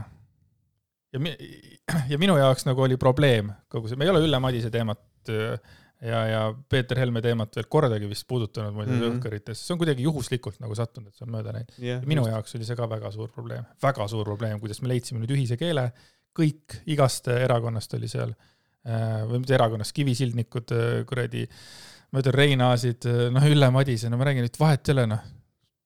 see oli nii veider, see on nii arusaamatu minu jaoks ja jep, et äh, Ja- ma olen nõus jah. ja hästi huvitav oli see, ei olnud huvitav tegelikult, ma räägin endale vastu, kui ma kuulasin Vooglaid ja Lobjakat, siis korraks seda teemat nagu käsitleti mõned minutid. Varro jaoks ei ole mingi probleem. jah, sellepärast et ta on, ta on täiesti saikomees, ta ütleb seda, et ei jaa, et Ülle Madise oli eraisik, kui ta seal käis.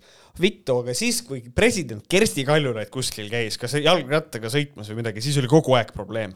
Siis nagu vali ära nagu, millist sõda sa tahad pidada, kas see on institutsiooni, kas inimene on kogu aeg oma institutsioonis või mitte, nagu see on täiesti saikomees. siis jah, lihtsalt, et nagu mingi pedofiilia ja mingi, ma ei tea, naiste teemad ja kõik see vägivald naiste vastu, kõik see on temale kuidagi jookseb mööda selga maha, Kuusiku case ja need asjad. et mingitel põhjustel, ma ei tea, kas see on nüüd konservatiivide probleem või nagu, et, et ei nähta selles nagu vale, vale tegevust või? mm. -hmm. Huvitav, jah. see on, see on väga huvitav, sest et ma räägin, et vana hea Kaljulaidi kuradi dressibluus oli aastaid nagu, aga see, et Helme kirjutas, et kuidas ta nelja-aastast nikub, eks ole, või, või tahab nikkuda, mis see tekst oli, ma ei hakka seda ette lugema yeah., kuskil on olemas. nagu see on nagu okei okay siis või? või noh, see ei ole taunitav või sellest ei räägita või? ja siis see, see, see kummikampaania oli jälle suur probleem on ju, aga see, et Mhm. no ma räägin, see ei ole nagu, see ei ole, ei ole nagu kuidagi nagu, see ei ole normaalne ju. Ei ole balansis nagu see, et kui sa nagu tegeled mingite asjadega, tegele ka nende asjadega, mis on päriselt ka nagu fucked up nagu mm. mm. -hmm. ei, et, et, et nagu hea võ- võimalus oleks õiguskantslerile EKRE-l ka nagu peale karata, et tule mida vittu. aga siis on see, et tere, ma ei saa kivisildnikele seal, ma ei tea mm. -hmm. Helme veits sama. jope ka, et ma ei hakka äkki. ma ei tea, see on ja Ülle Madise nagu jah, samamoodi lendas minu silmis, noh, ma arvan, et tal on nagu pohh, mis ta minu silmis on, aga minu silmis ta lendas ka nagu alla. mul loomulikult ma ei usu, et ma nagu hävitaks ära kogu tema töö, mis ta on nagu teinud, sest ta on olnud minu arvates hea õiguskantsler, nii palju kui mina asjadest aru saan. mm. -hmm. aga mi-, kurat, sa lähed sinna. jah, pigem on ju just selle, et ta on laste ombudsman, et see on nagu see kõige suurem probleem Mm. seal jah. Teiega. jep.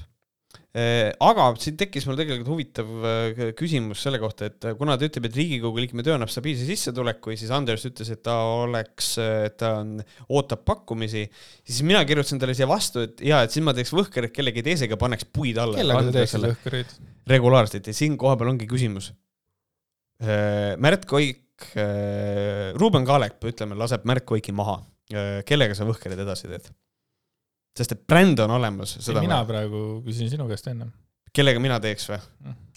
aasta kõige parema ajakirjaniku, Kertu Kirjaneniga teeks võhkreid vabalt. siin on vaja naiselikku vaibi, teeme ära. Mm. ma ütlesin meelega nõmedasti naiselik vaib selles mõttes. ma ei ole piisavalt naiselik sinu jaoks või ei, mm.? nii et sa siis Kertu Kirjaniga paneksid mulle puid või? jaa, hea meelega, see oleks fun. nägid, mida Andres ütles äh, fraktsiooni koosolekul olevat öelnud mm.. oota, ma korra ikka tulen sinna tagasi, et ma mõtlen ka samal ajal, kellega ma teeksin, aga et nagu kuhu, kuhu oleks minna, et mul on, mul on probleeme, aita mind, PR-mees, kuhu ma Ähm, saaksin minna? Mõttes. niikaua, kuni Izmailova minema ei lööda roheliste eh, esileedilt, eks ole, siis ma ei saa sinna minna. Eh, ikkagi mina ütleks seda, et siis pigem võtta erakond, mis on ideoloogiliselt kõige rohkem kattuv, et näiteks kui Eesti kakssada on sulle näiteks ütleme, see Reinaas nagu rik-, nagu rikub seda mm. -hmm. asja, siis me peame aru saama selles ka, et Reinaas on üksik indiviid, kes käis seal kohapeal. mis Tallinna linnapeaks tahtis saada, ta ei ole Just. nagu nii märkamatu umbes. no siis oleks veel sotsdemmid, onju, ja siis noh, ka rohelised onju, kui nad suudaks ennast kokku võtta ükskord. jah, mis on, mis on nagu mõnes mõttes, et äh, need, kas nendega liitumisel, kas on nagu see poliitiline potentsiaal, kas ole. on seal olemas, et see on Ei nagu ole, vastu jaa. tuult kusemine Jaa, mõnes mõttes jah. noh, ja siis EKRE või? ikka EKRE-sse tule, lõpuks ikkagi on, lõppkokkuvõttes tuli välja, et EKRE-sse, Andres läheb EKRE-sse, confirmed. kellega ma teeksin? see on, sa ei oskagi vastata. ei oska, ma mõtlesin, ma, ma tõmban veitsa nagu, aga mul täna no, täielikult nagu on nagu plokk peal nagu, ajuplokk. no miks sa ei teeks Kertu Kirjaniga, ütlesid, ütle sama vastuse. ei no ma teeksin Kertu Kirjani, aga see on nagu sul juba ära võetud. ma ei tea, võtaksin Liisa Koik, noh. okei noh, okei okay, selge ähm,. ma ei tea, siin tundub, et äh, vist siin noh, räägitakse siin Boltist ja et vend uh, two time'ib Boltis ja Yandexis, mis on nagu fucking amazing. ja no, ta jälle. ütleb, et kui tal on kahe vahel valik, siis ta pigem võtab Bolti, siis Yandex omad on nagu PR, PR osakond on türa. Why, why you fuck us so like this, et sellest on nagu. aga ta on vist Yandexis ikkagi siukene nagu äh, rida, niinimetatud taksojuht, et tema pealt ju saadakse ka nagu tulu, et selles mm. -hmm. ma arvan, et Yandexil on nagu pohhui, aga tegelikult jälle nii ei öeldaks, et see nagu samas sa ei hammusta kätt, mis sind toidab, aga praegu ta nagu hammustab nagu mitut kätt korraga mm. -hmm. Riigikogu ja andeks, et ta nagu Bolti kohta ta ütles midagi sitast või öelnud, vist ei öelnud. ei öelnud, ta sitast. tema, tema ainuke asi, mis tal on vist hästi, ongi Boltiga vist. jep, ja siis äh, ja edaspidi artiklis ta tunnistab, et ta oli ministrina väga kogenematu, et võttis vastu, sellepärast et äh, tahtis proovida ja et ühesõnaga tunnistab, et ta oli saamatu ministrina. kaheksateist päeva. kaheksateist päeva oli minister. probleem ta ei olnud vist kõige vähem olnud või? keegi oli veel vähem, kas Marti Kuusik sai üldse? Marti Kuusik, ma ei mäleta, kui palju Marti Kuusik oli, no rekord on ikkagi Rootsis, mis, mis ta oli, peaminister oli, ei olnud päevagi, see nagu, aga Eesti rekordit ma ei tea. selle, selle koha pealt puudu ja siis Martin Repinski on ka seisukohal, et võib-olla peaks olema, et Riigikogu liige ei saa palka, vaid saab hüvitist mis... selle teemal me oleme sinuga vaielnud. selle teemal me oleme sinuga vaielnud, mina leian seda, et palk peab motiveerima, et äh, miks olla rahvasaadik, kui sa selle eest ei saa raha. ja sellepärast, et teha oma asju, muuta maailm paremaks ja. ja selle eest mitte munnigi saada tundub mõttetu, pigem lähen tööle ja ei paranda maailma, ma ei tea. okei, okei, okei, aga aga korra mul tuli veel see Kaja Kallase juurde sekundiks tagasi, et nüüd võiks nad ikkagi võtta ennast korraks kokku nagu ja, ja nagu kõik nagu kokku võtta, nagu ei no nagu päriselt nagu võtta ennast kokku, sest et ma ei näe enam, et keegi nagu võitleks nagu kuidagi väikese inimese eest seal kuidagi. et mingisugune ärapanemine käib lihtsalt nagu kakskümmend neli seitse, et oma koalitsiooni kuradi partneriga ei saa nad läbi, onju. Mhm. teisi nad ei kuula, onju, et ma ei tea, võtke korraks nagu kuradi, tõmmake korra need maskid eest, istuge maha, rääkige, mis me teha tahame nagu see ei ole nagu, see, see on nagu nii vastik nagu minu jaoks. ta ei mõtle nüüd seda maski, vaid nagu see poliitmask. see vastik nagu see, see mäng hakkab mul nagu sitta keema ajama tegelikult. no juba ammu, eks ole, aga nagu tõesti, see on ju see, see on ju see valitsus nagu, mille üle nagu, nagu paljud äh, liberaalsed inimesed tundsid nagu selles mõttes rõõmu, et noh, hullud on eest nagu ära või noh, minema siis nagu löödud või et nagu, et, et elu läheb normaalseks, onju, et aga siis tuli, aga, aga koroona ei läinud ära ja, ja ikkagi on kõik ja siis läksid elektrihinnad üles. aga just see, et nagu nemad omavahel, Keskerakond ja Reformierakond, nad on äravahetamise nagu sarnased erakonnad laias laastus, noh. ja nad ei saa no,, ei sobi need veregrupid üldse. naljakas. Jüri Ratas nagu ka nagu, nagu, ma ütlen, ma ei saa, Jüri Ratast ei saa süüdistada selles, et Kaja Kallas on võib-olla kehv äh, kriisijuht, onju. aga noh, tema ka nagu, no võta kokku ennast, näidake, et te suudate midagi teha, onju. mitus mm. valitsus juba nagu läheb luhta siis või? Vist küll, jah. see ei ole väga hea nagu reklaam. Noh. jah, et nagu lõppkokkuvõttes ongi see, et ei, tegelikult Ref teeb kõik hästi, lihtsalt Keskerakond on siuke kuradi räpane partner alati, et kogu aeg on mingi jama, et need on ka, et ikkagi meil on jälle, et EKRE-l, Isamaal oli Keskerakonnaga jama, nende Jüri astus tagasi ja kõik siuke, ei tea ei tea. ja see ikkagi see lühikene pink ka nagu, vahepeal oli niimoodi, et ma mäletan neid häid aegu, eks ole, kui ma olin noorem, siis seal oli, Reformierakonnas oli nii palju nagu tugevaid tegijaid oli. Ja nüüd hakkad mõtlema, kes seal on praegu nagu, ongi mingid siit-sealt mingid paar venda ja nagu ei tulegi nagu palju meeldegi sealt mingisuguseid nagu tarku ja toredaid inimesi. Kersnad ja, ja siis Michal, kes ei ole minister, tegeleb muude asjadega, sihuke jah, jah. tõblukene. samas tahaks näha, jube kahju on, tahaks näha paralleeluniversumit, kus kohas ei oleks koroonat ja energiakriisi, et milline peaminister oleks Kaja Kallas, ma tahaks näha seda, aga, aga mis sa, aga davai, sinu käest küsiti, kas sa arvad, et see koalitsioon peab vastu või ei? meil on valimisteni nii vähe aega, see tundub lollakas nüüd tagasiastumise või umbusaldamisega tegeleda, see tundub sellepärast, et sellega pannakse opo ennast väga sitta positsiooni, kui meil tuleb nüüd teine valitsus, nad ei jõua teha selle lühikese ajaga mitte persetki. Ja see heidab neile ainult halba valgust. mina mäletan seda, et see üks väga hirmus valitsus, mis eelmine kord oli, see tegi väga tugevaid otsuseid kogu aeg sa mõtled, sa mõtled täielikus kriisis? no äh, isegi siis, kui see jah, kriis algas, oli ka täielik kriis, aga seal tehti ära mm, -hmm. pamm, kinni, kõik noh, kuidagi ma tundsin, et seal nagu toimus see asi nagu kiiremini, et need ei olnud nagu võib-olla kõige õigemad, aga see on nagu kuidagi nagu midagi tehti, et seal tehti, seal on natukene teistsugused tegurid ka, meil oli koroonakriis, oli väga-väga värske, väga palju oli teadmatust ja sellest johtuvalt ka väga kiiresti nagu tegutseti. nüüd, kus on infot rohkem ja on, et oli vaktsineerimiskava, oli rohkem erinevaid tegureid, milles, millega arvestada, mina leian, et siin on nagu see, selle asjaga vaja ka arvestada et see on niisugune, see natukene minu arust natuke komplikeeritum kui, kui lihtsalt see, et kiire või aeglane. True noh, mul on väga kahju vaatest-kuulajatest, nad ei saanud seda debatti, eks ole, seekord. aga ma teine, aga ma teinekord olen nagu tugevamini ette valmistunud ja et see ei olnud mulle no, nii oluline asi, millega debateerida mm -hmm. praegu. jah, aga äh, kallis kuulaja, äh, meil on olemas Patreon, äh, patreon.com kaldkriips Vohkarid, oleme olemas, lisasaated on meil seal maksumüüri taga, see on õudne Eesti meedia maksumüüri taga ja. Kanadas on Patreon tasuta Kanadas on Patreon tasuta ja üleüldiselt äh, tulge liituge Patreoniga, kellel on, kellel on huvi. kui ei ole huvi, mis, mis, mis seal ikka, äh, näeme siis, kui hästi läheb, siis ülejärgmine nädal Patreonitega juba järgmine nädal, aga meie poolt tänaseks kõik. aitäh, et olete meiega endiselt ja edaspidi. ja tšau.